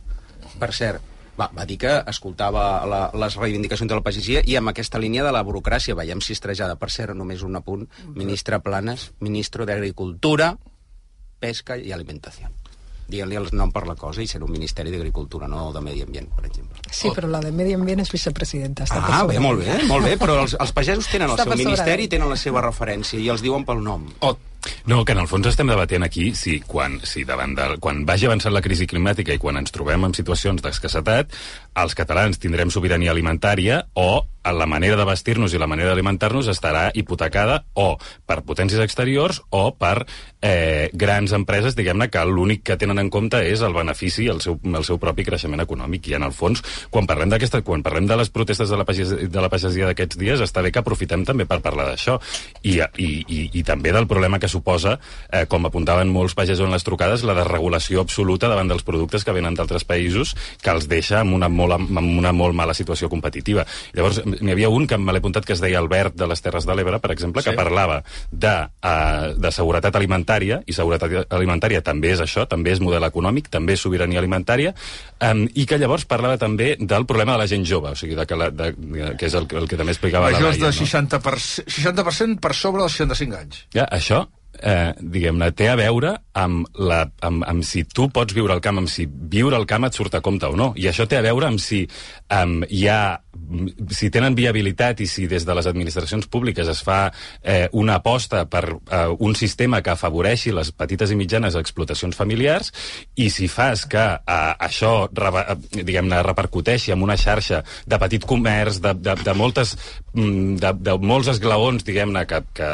que, situ, que que articulin aquesta xarxa de sobirania alimentària, o, i per tant, si en un poble de 80 habitants tens 40 persones que es dediquen a parts diferents de tota la cadena agroalimentària, o si tens 40 persones que treballen totes per la mateixa gran empresa. Eh, Deixeu-me un moment, perquè a tot això que explicàvem del caos que hi ha avui a, a les carreteres i autopistes del país, tenint en compte aquesta manifestació dels pagesos, de la pagesia, hem d'afegir que això de Rodalies d'avui és bèstia. És clar, només, només li afegim això ja. Clar, evidentment tothom s'ha anat cap al tren per no agafar el cotxe. Atenció perquè els retards a Rodalies superen a la mitja hora. La mitja hora. I afecten les línies R1, R3, R4, R12, també els, els regionals de la línia eh, RG1, Eh, el motiu és, acabem ja de rodonir, una incidència entre Plaça Catalunya i Fabra i Puig, tècnics de DIF i estan, i estan treballant. Per aquest motiu, a la línia R1 circulen dos trens per hora i per sentit i en alguns casos els fan desviar pel passeig de Gràcia de Barcelona. Montse Martí, què està passant? Bon dia.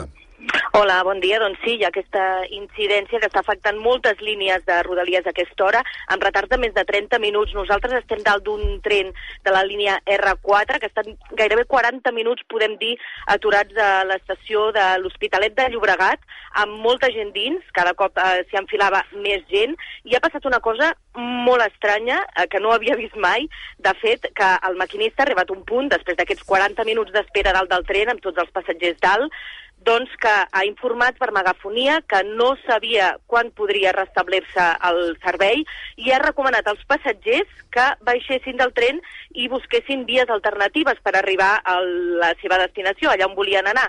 La gent, òbviament, ha baixat en massa d'aquest tren de la línia R4 aturat a l'estació de, de trens de l'Hospitalet de Llobregat, ha baixat tothom i al cap d'un minut han tancat les portes ràpidament, ha fet el pip, pip, pip, pip de les portes tancant-se, la gent corrent eh, que estava a prop de, del tren eh, s'ha enfilat un altre cop, però el que ha passat és que ha arrencat i molts dels que havien baixat feia res, un minut, doncs s'han quedat i han vist el tren que marxava davant seu. Hi havia un, una, una, una sèrie fa molts anys de televisió espanyola que es deia l'Espanya los Botejara, que em recorda molt algunes d'aquestes circumstàncies que estem, que estem vivint. Uh, aparquem un moment el tema de la pagesia i tornarem, eh, d'aquí una estona per saber també el trànsit com està, com estan els pagesos en, aquesta, en aquest recorregut que estan fent des de les 8 del matí, que estem seguint aquí a, en aquest programa del món RQ, però és que hi ha un altre tema que està portant molt merder i molt merder polític. Si salgo sola soy la zorra. Si me divierto la más zorra. Última hora que té a veure amb el Festival d'Eurovisió, però que no té a veure amb aquesta cançó, que és que mm, Podemos demana a la UER, a la Unió Europea de Radiodifusió, que exclogui Israel del festival. En una carta enviada per diputats i eurodiputats demana que utilitzi el mateix criteri que ha aplicat a altres països com Rússia.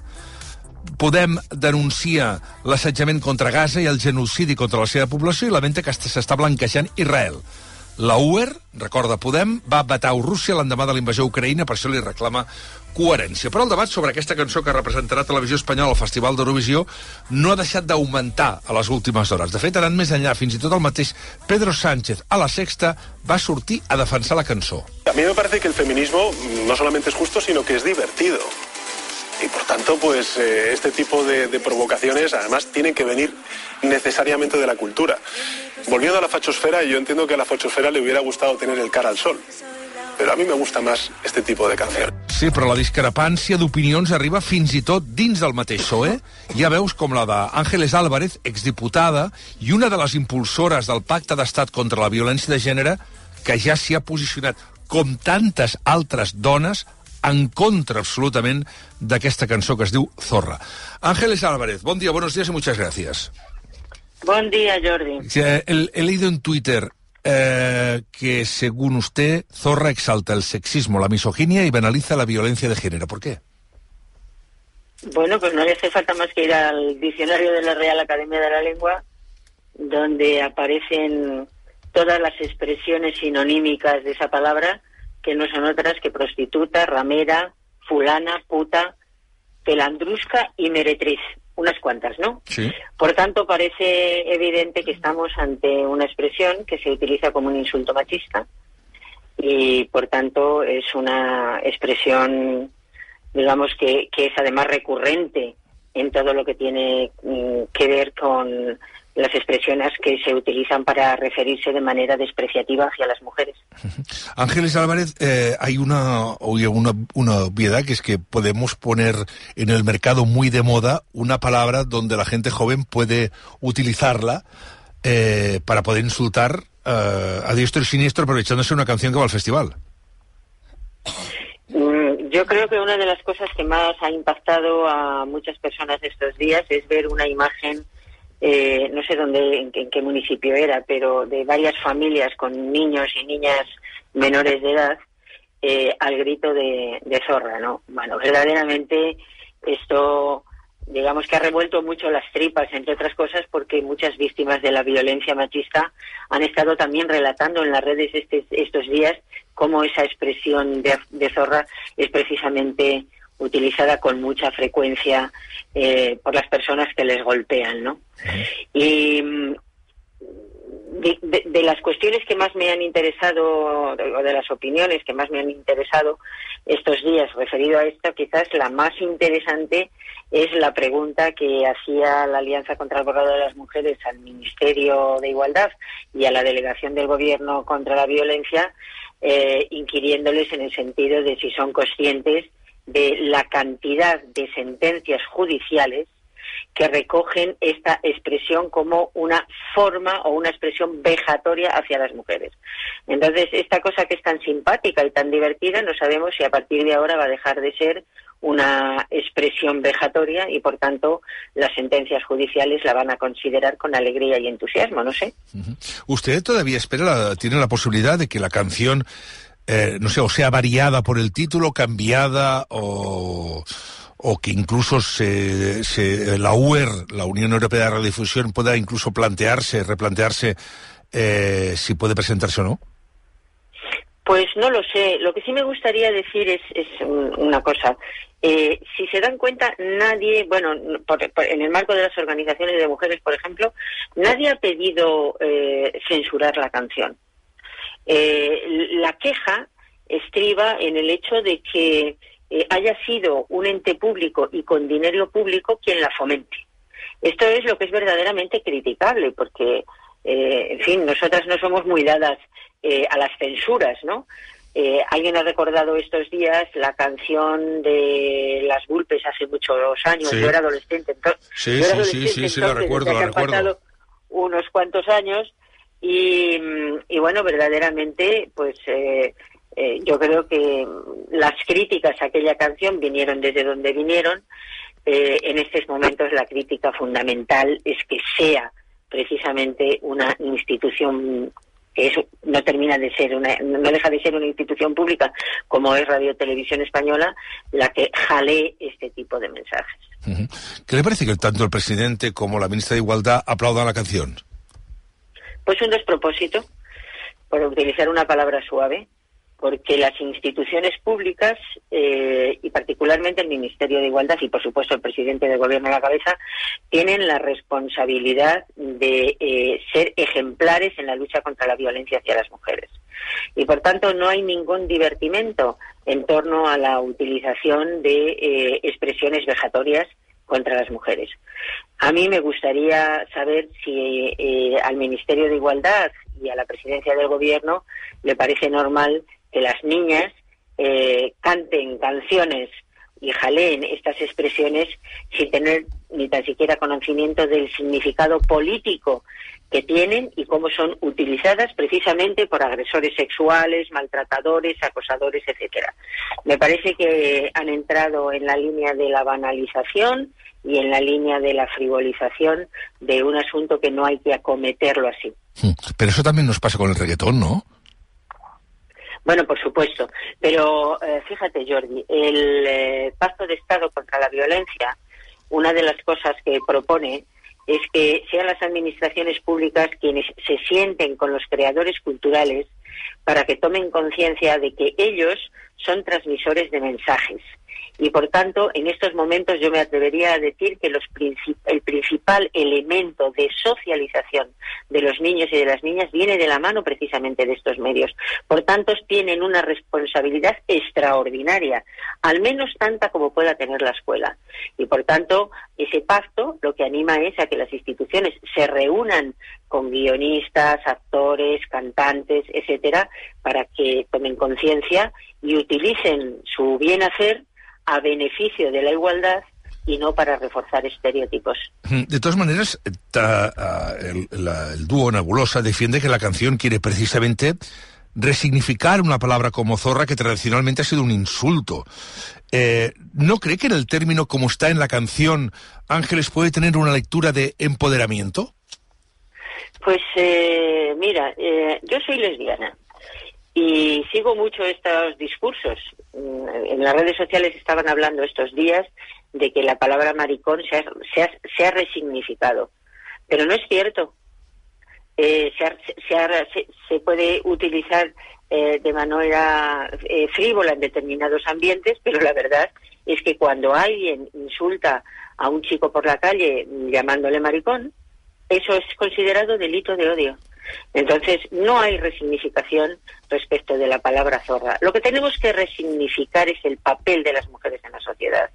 Y, por tanto, efectivamente, el hecho de que las mujeres eh, puedan tener comportamientos de libertad no deben de ser considerados en ningún caso eh, que están eh, excediendo los límites que el sistema le quiere poner a las mujeres. Entiendo lo que se pretende decir con el concepto de resignificación, pero resulta que esta canción eh, es eh, emitida también con una escenografía, una escenografía que no tiene nada que ver con el empoderamiento de las mujeres, sino con la sexualización del término. Por tanto, quien está haciendo ese discurso pues, creo que tiene ciertas contradicciones. Acabo. Nebulosa también argumenta que zorra se refiere a todas las personas que se han sentido discriminadas, no solamente a las mujeres, y también hace un homenaje a, Manuela Trasovares, que fue la primera concejala trans que tuvo España. Esta, eh, ¿Esta reivindicación no le parece un acierto?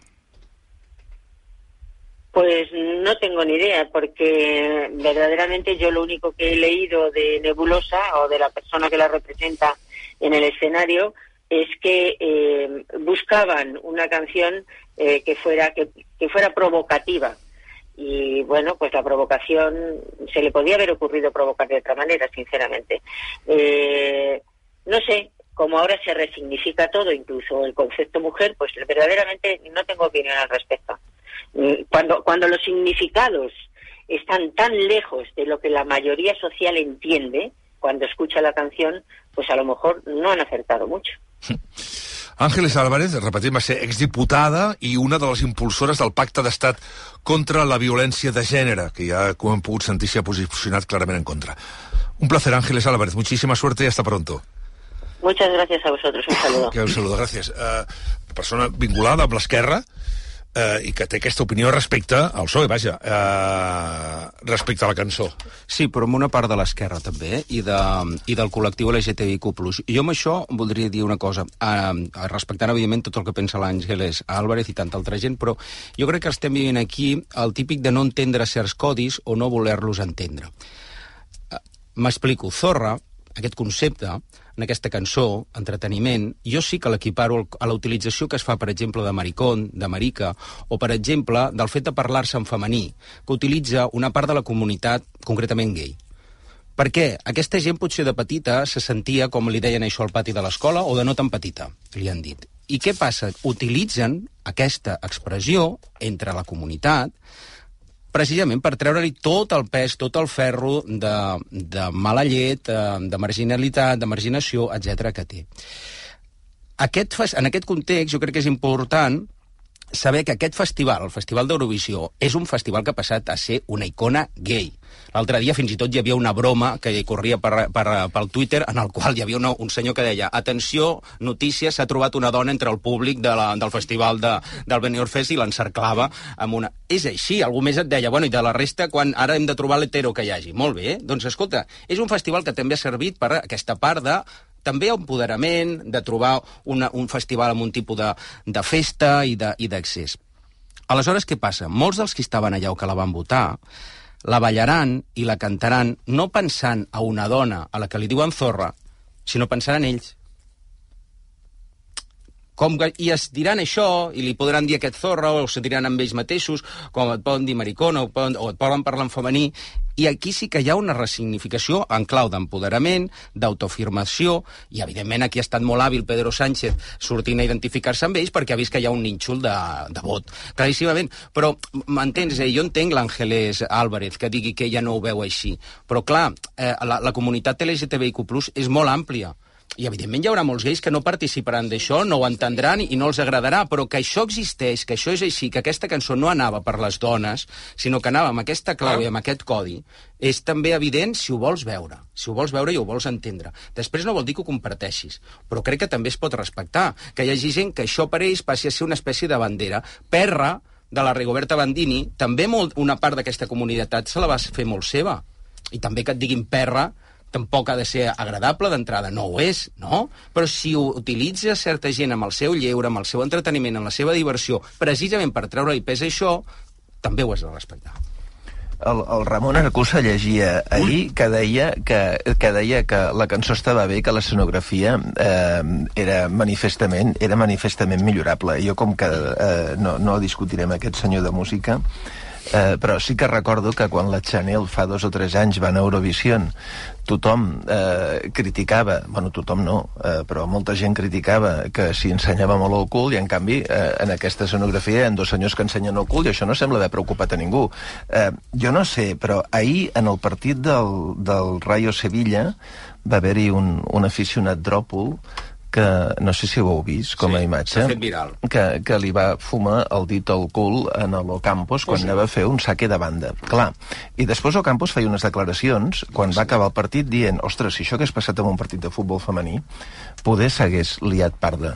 I això et porta a la reflexió de dir... Però això és per, per, per l'acumulació de, vege- de vexacions que han tingut les dones durant molts, Sí, però- molts i molts anys i continuen Què- tenint. què diríem? Les Però- coses no són aïllades, tenen un context. Sí, però la pregunta per mi és què diríem si hi hagués una cançó eh, que es titulés Maricón que fos la que anés a Eurovision? I sí, també li donaríem la volta pensant Depèn que de això qui en el cantés, fondo, Joan. eh, això en el fondo és una forma de normalitzar no sé Depèn què. de qui ho cantés. És jo, a dir, amb jo quina tinc, intenció, jo si tinc és un els grup meus... feixista, no. Si és un grup que participa d'això... Jo, doncs- jo tinc els meus dubtes de que tinguéssim la tolerància eh, cap a la cançó. Eh, si fos, si fos en un sentit, si fos en un sentit contrari. I dos últims apunts molt ràpids. Una, jo crec que Sánchez té una neura en polaritzar-ho tot i que està molt bé que li agradi la cançó o no li agradi, però tot l'altre crec honestament que, que s'obre i, i està de més. I, I una última consideració sobre el que has dit al començament de no sé qui que ha dit que s'ha de prohibir que Israel eh, vagi a Eurovision. Vull fer dos comentaris. El primer, Rússia va invadir un país, Israel ha sigut atacat i invadit, amb la qual no té res a veure. I segona, vull recordar que Israel participa a Eurovision, Israel participa en els grups de classificació, per exemple, de futbol, de l'Eurocopa i dels Mundials, perquè no pot participar en els grups asiàtics perquè els seus veïns no el reconeixen, tenen prohibida l'entrada als seus ciutadans i moltes de les constitucions dels veïns d'Israel diuen que un dels seus objectius com a país és la destrucció de l'estat d'Israel. I per això, un país asiàtic té que participar en competicions europees. Per tant, ull eh, amb què diem i com ho diem. 10 i 39 minuts, hi ha notícies de... Ara, ara de seguida, eh, Ot i Lola i tot, eh? però és que hi ha notícies d'última hora, algunes de molt curioses. Per exemple, dues sobre futbol. La Lliga denunciarà la Fiscalia de Menors l'adolescent que va ficar el dit al cul a Lucas Ocampos, jugador del Sevilla, el Rayo Sevilla. La policia ja el té identificat. Per tant, estem parlant d'un menor, eh? Segona, Carlos Herrera ha confirmat que es presentarà a les eleccions a la Federació Espanyola de Futbol. Ho ha dit avui a la COPE, al seu programa, ja, ja sonava, ja ho havia dit, diu que té un molt bon projecte, que té molta il·lusió, i gent que l'acompanya, que és molt sòlida. Recordem que les eleccions a la presidència de la Federació Espanyola són el 24 de maig. Tinc el dubte de saber què farà Carlos Herrera si surt elegit eh, amb el programa de ràdio. Jo crec que continuarà fent el programa de ràdio. Vaja, em sorprendria que no fos d'una altra El manera. convertirà en un programa A lo de ràdio presidente. esportiu. Sí, no? I després, ara amb el tema que estàvem parlant, el president de la Generalitat Valenciana, Carlos Mazón, ha defensat Zorra, diu que hi ha problemes més importants com ara la sequera. Ho ha dit Antena 3. Mi querida Nebulosa, que es de Ondara, que es de la provincia de Alicante, eh, es una tipa extraordinaria, igual que su marido, y están demostrando que también hay talento alicantino. Así que, ¿qué quiere que le diga? Hace falta mucha agua en España eh, como para que estemos peleándonos por las cosas tan bonitas que salen de Benidorm. Me parece eh, una pérdida de tiempo. Mare de Déu. I també ha explicat... Pues, és que jo ja... Jo aquest, aquest matí eh, em vaig a fotre un porro de Maria Lluïsa. Ha explicat que Carlos Mazón va optar a representar Espanya a Eurovisió. Sí. Eh, presidente, sé que usted eh, se presentó con su grupo Marengo en 2011 a Eurovisión, pero no llegó a las finales, ¿no?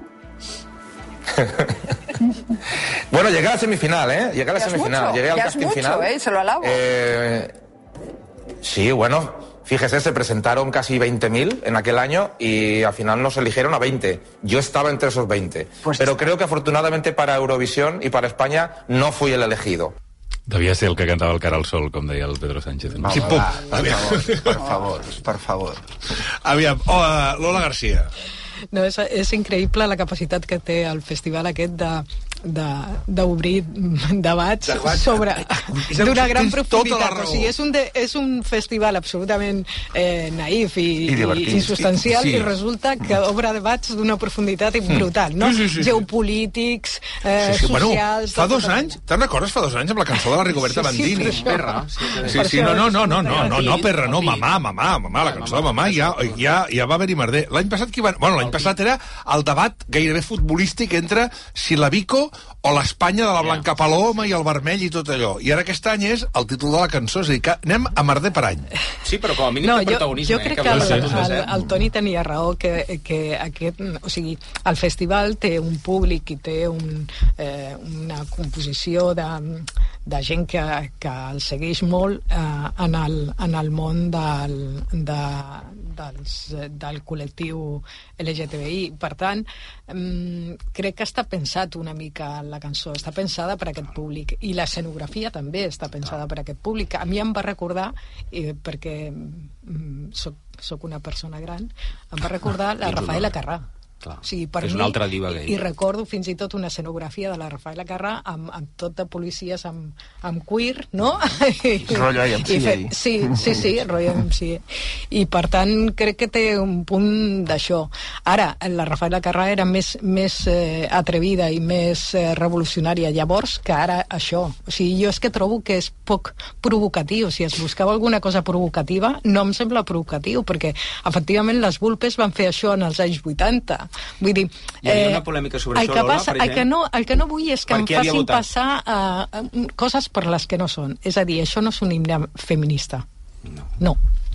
I tampoc no canviarà eh, la visió, o sigui, no canviarà el masclisme. Mm. Això no, no, o sigui, que no em facin passar tampoc, o sigui, aquestes, aquestes persones han buscat la fórmula perquè es parli d'elles i que tothom parli d'elles, encara que no guanyi el festival, doncs ja hauran fet el, no, el, eh, el seu festival no propi. Em sembla molt bé. I, I tota la llibertat del món per fer eh, les lletres que vulguin. Ara, això, un himne feminista no ho és, sincerament. És que, a veure, tots podem estar d'acord. O sigui, el debat sobre si és una cosa eh, frívola, banal, eh, trivial, vulgar... O sigui, a veure, no, no, no és el Festival d'Eurovisió, amb cap menys preu ho dic, eh, però no és una, una, un concurs, diguem-ne, de, de, de Premis Nobel de la música. És, té, el seu, té el seu context, el seu ús i, el, i, el, i, i diguem-ne, tot s'ha d'atribuir en funció d'això. I a sobre canta molt malament, eh? Exacte. Que a sobre canta molt Sí, malament. s'ofega una miqueta. I a banda, a banda d'això, estic completament d'acord amb, la, amb la intervenció inicial que feia el Toni. O sigui, les, les paraules eh, evolucionen, els significats evolucionen i, per exemple, l'exemple que posava el Toni de l'ús de la paraula marica, la resignificació que ha tingut entre la comunitat homosexual, és un gran exemple de eh, com un insult mm, i una vexació sistemàtica es pot eh, invertir no per solucionar la homofòbia, no per posar fi a qualsevol discriminació, sinó per eh, canviar la manera com persones que han rebut aquest insult eh, reaccionen davant d'això. I llavors, el, el, el, sí, sí, sí, per, per això segurament... Intentar donar-li la volta, però evidentment qualsevol persona, tu preguntes pel carrer què és zorra i et diran la definició del diccionari. Sí, però És dir, si- no aconsegueixes canviar tampoc les dinàmiques. Sí, però per girar-ho de l'altra manera, si tu, si tu converteixes les paraules en tabús, si tu, conver si tu conver sacralitzes els insults, en realitat potser tampoc soluciona, eh, tampoc, diguem-ne, soluciona el masclisme, que prohibir que en el- públic es pugui fer servir la paraula zorra o que amb certes expressions eh, artístiques es pugui fer servir. El que segur que fa, si tu converteixes en un tabú i si tu fas eh, grans escarafalls al voltant d'això, és donar més força als qui ho fan servir com a treure-li la insult. càrrega, treure la càrrega feridora, és a dir, és el que passa al Festival d'Eurovisió. Què és? I en és tot un cas, aquesta festival. resignificació, com deies tu, eh, entre la comunitat homosexual del, del concepte de maricón, pot ser que la decidim les dones, no? És a dir, si a mi zorra em molesta o no. I a mi clar, no em molesta. I crec que sí que hi ha un tema Home, a afegit. si em diuen zorra sí em molesta. Depèn, depèn, depèn de qui m'ho digui. Sí. Jo tinc amics que tota la vida ens ho han dit, Diria- home, si m'ho diuen ara pel carrer Zorra, Bueno, em molestarà. a tu t'ho diu una Sí. amiga i és diferent. Sí, Ara, exacte, t'ho diuen- correcte, sí, si m'ho diu un sí. tio, sí. Eh, I Toni, et volia dir, sí que crec que també aquesta cançó apela a un sector de, de les dones, aquelles que s'han alliberat també sexualment. És a dir, sí que hi ha un missatge pel col·lectiu homosexual, però també crec que hi ha cap a un sector de les dones que viuen el sexe ara d'una altra manera. Sobretot perquè és una paraula que pot ser feridora i evidentment és, i no li estem Sí. traient la càrrega. Hi haurà molta gent que l'ofendrà i que t'ho diguin, a qui t'ho digui, quan t'ho digui, com t'ho No, però digui, la nosaltres intenció. entre amigues ens ho diem, eh? és com... És com, boomer, és com, molt boomer, és, molt antic no, i però- molt d'antes. no, jo, però també- una criatura... Jo ho sento, però penso Sí, també. Jordi. Cadascú té el seu debat. Però Sí. tu, No, tu no. el teu i tal. El meu és un altre que és com una criatura de 16 anys. Aquesta cançó li pot, li pot fomentar al segle XXI que vagi a qualsevol nena que li vagi començant a dir en grups que els diguin o al contrari, jo tinc amics eh, joves que, que viuen completament diametralment al revés aquesta circumstància, que s'ho diuen entre ells, que creixen així, que a més es parla en femení, i altres que no ho entenen gens i no els agrada. I, Sí, i però són gais parlant d'un igualment. sector de, de, de Sí, gent. sí. Jo parlo, jo en parlo, jo parlo en general. Te l'anem a l'escola... Però és que aquesta anem cançó no ells. va, Sí, vale. però no per ells. Però, però, però, però, però, és igual per qui va, però és el que sonarà els pròxims mesos. Clar, però aleshores surt d'un festival que, com per exemple l'Orgull, la festa de l'Orgull, hi ha moltíssima gent Vale, que, no, que festa se de pot no sentir... t'estic dient se de sent- l'orgull, jo t'estic dient que és una cançó que sonarà, oblida'te'n de qui està dirigida. Però les Dic que és un festival, d'un festival No. que amb, eh, és una cançó que amb 16 anys anirà sonant no i sonant posar i sonant totes les i sonant. càrregues no? morals a les cançons Clar. perquè llavors les cançons Clar. no, o Però sigui, si- però les si m'he- cançons que no, de la sempre. nostra època Sí. eren, eren deixar-les córrer també No, i el eh? reggaeton, o sigui, el que deia ara. els, Sí, els, el a les cançons Les de la nostra pitjors, època els homes feien el que volien amb Sí, les però no hi dones havia cap cançó que anava cantant dient que ets bueno, una... algunes deien coses pitjors Bueno, eh? i hi ha hagut tipus de reggaeton que precisament també han reflectit aquesta eh, dinàmica d'apoderament. O sigui, tot depèn de, de, la- de la posició des de, qual es, des de la qual es fa. I que recordem, no podem abstreure'ns d'on surt aquesta cançó. Surt d'un festival, que és un festival que ja us dic, és a dir, l'ha fet molt aquesta comunitat. A, a tenim, per exemple, un expert en, en això, per exemple, ho sap molt, el Rafa López, que en parlava aquí moltíssim, no? És a dir, eh, hi ha eurofans que van fins i tot, és com el futbol, és a dir, que van als països en què aquell any es canta, que els segueixen, que fan sopars temàtics d'això Mm. quan es fan les finals... Per tant, és icònic d'aquest àmbit, sí. És inevitable que en una societat, quan un festival ha tornat a tenir aquesta, aquest pes, perquè va, recordem que va pensar molts anys que d'això Eurovisió no en parlava ni el tato directament. Però ara se'n torna a parlar. Do, que molta gent es pugui sentir interpel·lada, sí, però no és el target d'això. Quan canten la cançó aquesta zorra, el públic és molt nítid. La cantant, eh, ara no sé qui em deia ahir que semblava, qui semblava, és a dir, és, és, és, tota Madonna. ella és, és, un, és, un... És una cosa, és una mescla Sí, és, és, és, i- és icònic, Però, és a dir, és aquest com... festival té un públic target que va. també de públic adolescent. És un festival que el segueixen molt els adolescents. Per tant, estic amb el Jordi en aquest sentit. És un missatge que arriba a la gent adolescent. Com també arriba el porno i el reggaeton. Sí, hi ha eh? adolescents de tot, és a dir, i que potser tenen menys prejudici que nosaltres Però, amb això. I que i a més, exacte, el, el missatge que els arriba és que aquesta paraula no té per què ser feridora Ah, si, exacte. si tu te n'apoderes i si tu la resignifiques. Hi ha molta gent que, per Sí, exemple, jo, jo et deia el cas de la- de l'orgull, Jordi, però hi ha molta gent que se sent ofesa pel que veu el dia de l'orgull. Hi ha molta gent del col·lectiu i que no és el col·lectiu que veu allò i ho veu una patutxada, ho veu una fantasmada, ho veu una absurditat, una ridiculesa, i, i jo dic sempre, i escolta, i aquella gent que està allà ho fa, entre altres coses, primer, perquè ho pot fer, que en altres èpoques no havia pogut fer. Segona, perquè els dona la gana de fer-ho. Tercera, perquè després a casa seva o a la seva vida faran el que vulguin. Segurament no aniran així, però és un dia d'autoreafirmació, trencant els codis, d'Eurovisió, per això precisament. I aquesta estem cançó parlant, de, estem parlant de l'orgull. Sí. No estem parlant del Festival d'Eurovisió. Que... Perquè ah, llavors vol dir que s'ha apropiat. Bueno, algú dirà apropiació, un altre, altres diran que és que és un refugi per a alguna gent, perquè amb altres, amb altres expressions culturals no se senten prou, prou còmodes o prou expressats, etc. És a dir, eh, eh, sí, hi ha l'acusació aquesta de l'apropiació. Hi havia, hi havia lletres, per exemple, no vull tampoc, però de les Ronaldos, que eren brutals. Sí, home, sí, però si n'hi moltes. Home, parlaven de matar i violar... Però una altra, clar. És a dir, aquí és, és a dir, és una part del col·lectiu no que està cantant, a, a, està cantant a si les mateix. Sí, t'entenc. Eh, sí. no, sé, no sé si són molt representatius del col·lectiu, però crec recordar que són una parella que una parella heterosexual que regenta una peluqueria. O sigui, no sé exactament com hem acabat de parlar sí, de si això és ofensiu sí, o no per les dones del col·lectiu gay. Home, però... Quina sí. volta li hem donat No li hem donat cap volta, Joan. Si no vols veure, no ho vegis. Eh, és a dir, la, tu has dit abans, la performance mateix té el mateix i ella va de, de musa gay directament de dalt a baix. És a dir, Sí, sí.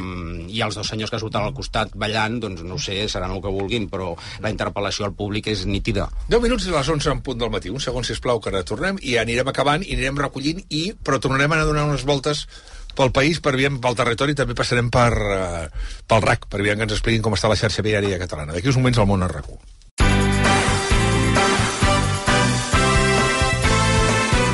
El per què de tot plegat. I ballant, eh? Ballant, Bueno, què fem ara? Que està amb el micròfon les- obert, eh? No sé si ho heu sentit, eh? Ah, què dius? Sí, home, sisplau, són les 4 minuts i les 11 en punt del matí, però anem a donar... Podem donar una volta o què? Sí, podem donar una volta, eh? Sí, Però sí, és és que no, no, no, no, no ha passat res que no pugui ser. Anem amb Montblanc. Primer, a l'última connexió, l'Esteve Giral els, eh, ens explicava que els tractors acabaven de tallar la AP2. Tenim alguna novetat, eh, estimat Esteve? Doncs la- l'autopista P2 absolutament tallada en els dos sentits de la marxa. déu nhi la quantitat de camions i de, i de vehicles que hi han quedat atrapats. Uh, ara mateix ja estan fent lectura de manifest, per això segurament sentiu els, eh, els aplaudiments damunt d'un dels remolcs aquí a la, a la, a la rotonda d'accés, que és on començàvem, de fet, Jordi, al matí. Han tornat aquí, però allà segueix, eh, segueix l'autopista AP7 tallada. Ben bé, un centenar llarg, dos, eh, 200 tractors eh, s'han aconseguit mobilitzar. Ho dèiem abans, déu nhi la quantitat de, de pagesos i pageses, jo, pageses joves que han aconseguit concentrar-se avui aquí. Eh, venen molt preparats, el que ens fa pensar que això va, va per llarg, porten menjar, deien fins i tot eh, que faran una calçotada a l'autopista, i han llançat molts de fems també al, a, les dues, a les dues vies, tant sentit a Lleida com sentit Barcelona, per tallar aquesta, aquesta autopista. Veurem què és el que acaba passant al llarg del, del matí, migdia i, i tarda, jo crec. Mossos d'Esquadra, de moment, que, que s'ho estan mirant i que, i que no actuen, i els pagesos contents perquè han aconseguit el que volien, diuen agafar una mica l'esperit de, de França i fer sentir la seva veu. Gràcies, Esteve. Anem cap a... concretament cap a, cap a Fondarella. Anem a Fondarella, al Pla de l'Urgell, on els tractors tallen també els dos sentits de la marxa. Julen Andrés, novament, bon dia. Bon dia, hola, sí, seguim a- aquí a la mateixa al- alçada, ara més o menys estem a la zona de Mollerussa i, i bueno, això també va per llarg, per llarg, aprofitant el foc que havíem fet abans, ara els pagesos estan preparant l'esmorzar, pel que ens han dit, encara arribaven tractors aquí a l'autovia, que tenien problemes fins i tot per, per accedir, i el que faran és a les 12 una assemblea i decidir a veure com passen les següents hores, perquè tenen clar que mínim aguantar fins, fins les 12 de la nit. Mm -hmm. Gràcies, Julen. També des de, des de concretament, des de Panadella, a Fondarella, perdó, Panadella, Fondarella, i anem a Girona, pendents que els tractors es dirigeixin cap a l'AP7 per tallar l'autopista, atenció, a l'AP7 a l'altura de Medinyà, a Bàrbara Julba. Sí, de moment, però encara estan aquí, davant la seu de la Generalitat a Girona, els pagesos i els seus tractors ocupen tot aquest espai que hi ha aquí davant i part de la via Jaume I. Hi ha 300 tractors al centre de la ciutat que s'han acostat fins aquí, fins a aquesta estació de la Generalitat, on han llegit un manifest, han entregat una corona funerària, han tirat palla a la façana i, per cert, també els hi han deixat quatre caixes de pomes que la gent ha aprofitat per agafar i menjar-se-les. Ara, segons ens han explicat, tenen intenció d'anar cap a Medinyà, al NUS, amb la Nacional 2. Allà dinaran primer i de cara a la tarda preveuen tallar la P7 a aquella zona. A les 8 del vespre faran una assemblea per decidir què més fan. De moment, però, com us informàvem, segueixen concentrats aquí amb els seus tractors just davant l'entrada i al llarg de tot el carrer fins on el podem veure. Gràcies, Bàrbara. Anem a Sant Fruitós de Bages, on els tractors ja han tallat també la C-16 en els dos sentits, en tots dos sentits de la marxa. Josep Ferrer. Doncs fa més d'una hora que per davant meu estan passant tractors, més de 500, segur que hi han de tractors que participen en aquesta eh, protesta. Val a dir que la C-25 no tenen intenció de tallar-la perquè diuen que ja està tallada pels dos extrems i per tant es volen concentrar només en aquesta eh, manifestació aquí a la C-16. Faran diferents assemblees, ens han dit que segur que estaran fins les 8 del matí. Hem vist, per exemple, passar un tractor carregat de cerveses, algun també amb una barbacoa, per tant, si pensen estar tota l'estona, tot, tot un dia sencer, i apunten la possibilitat demà de poder baixar a Barcelona. Molt bé, moltes gràcies també al, l'estimat eh, company Josep Ferrer, que no se'n perd una. I per acabar, anem al RAC per saber com està la xarxa viària a aquesta hora del matí, quan són les 11 en punt, allà ens espera l'Àlex Huguet. Què tal, Àlex? Bon dia novament.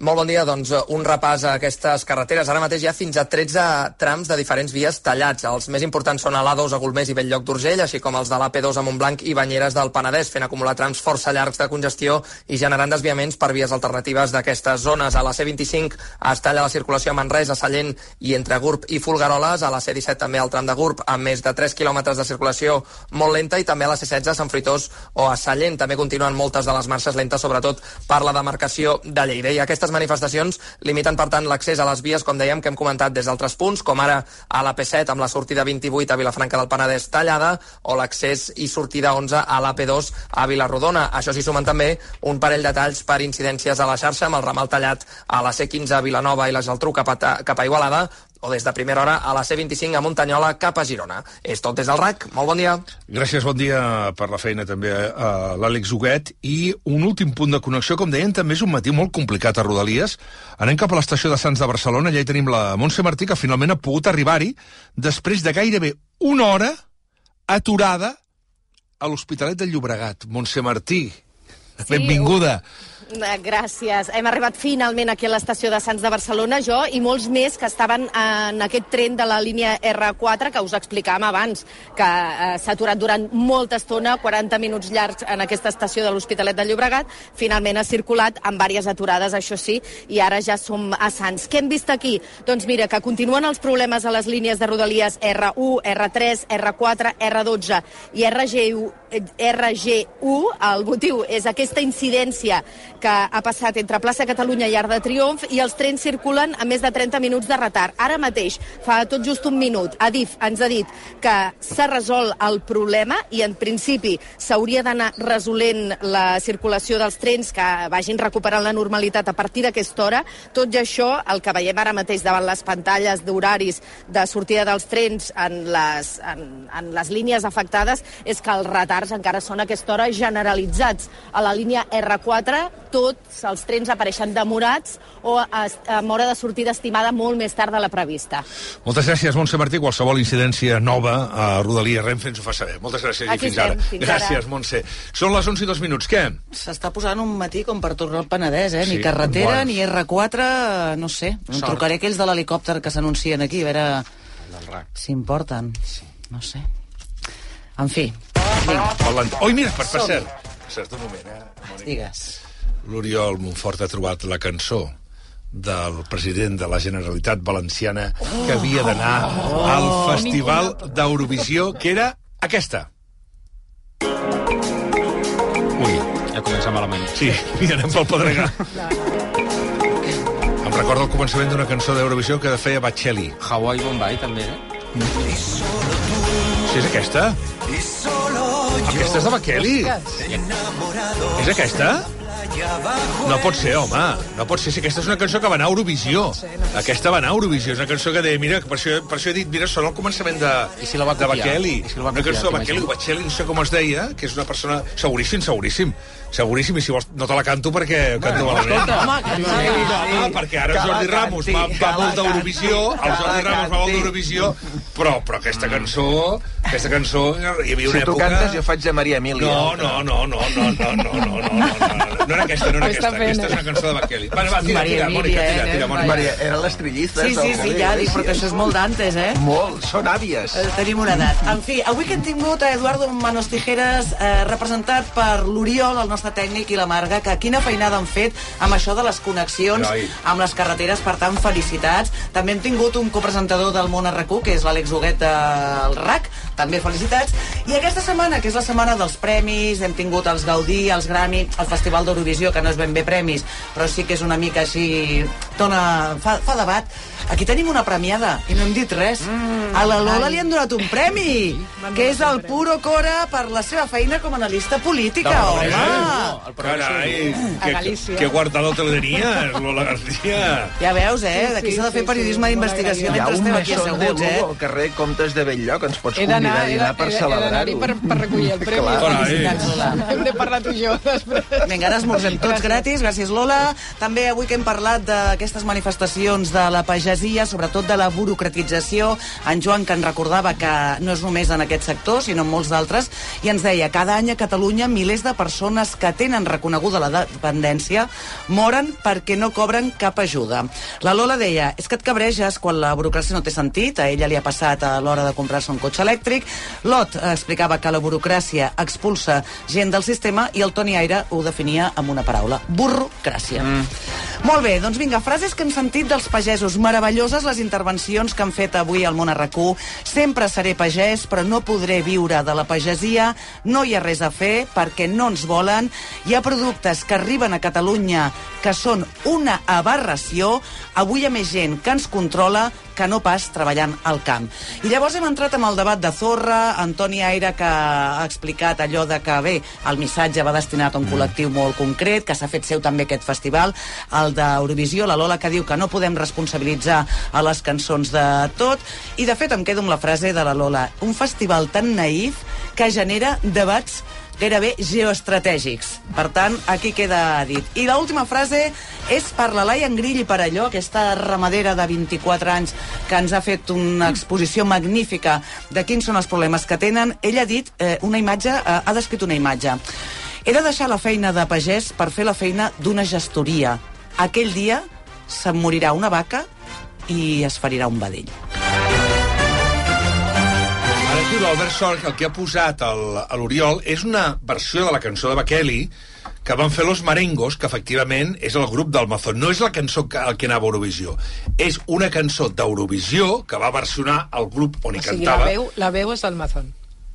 Aquest? Bueno, no sé si, si, si cantava ell o, és, o, o tocava la Ah, guitarra, no sí, sé. clar.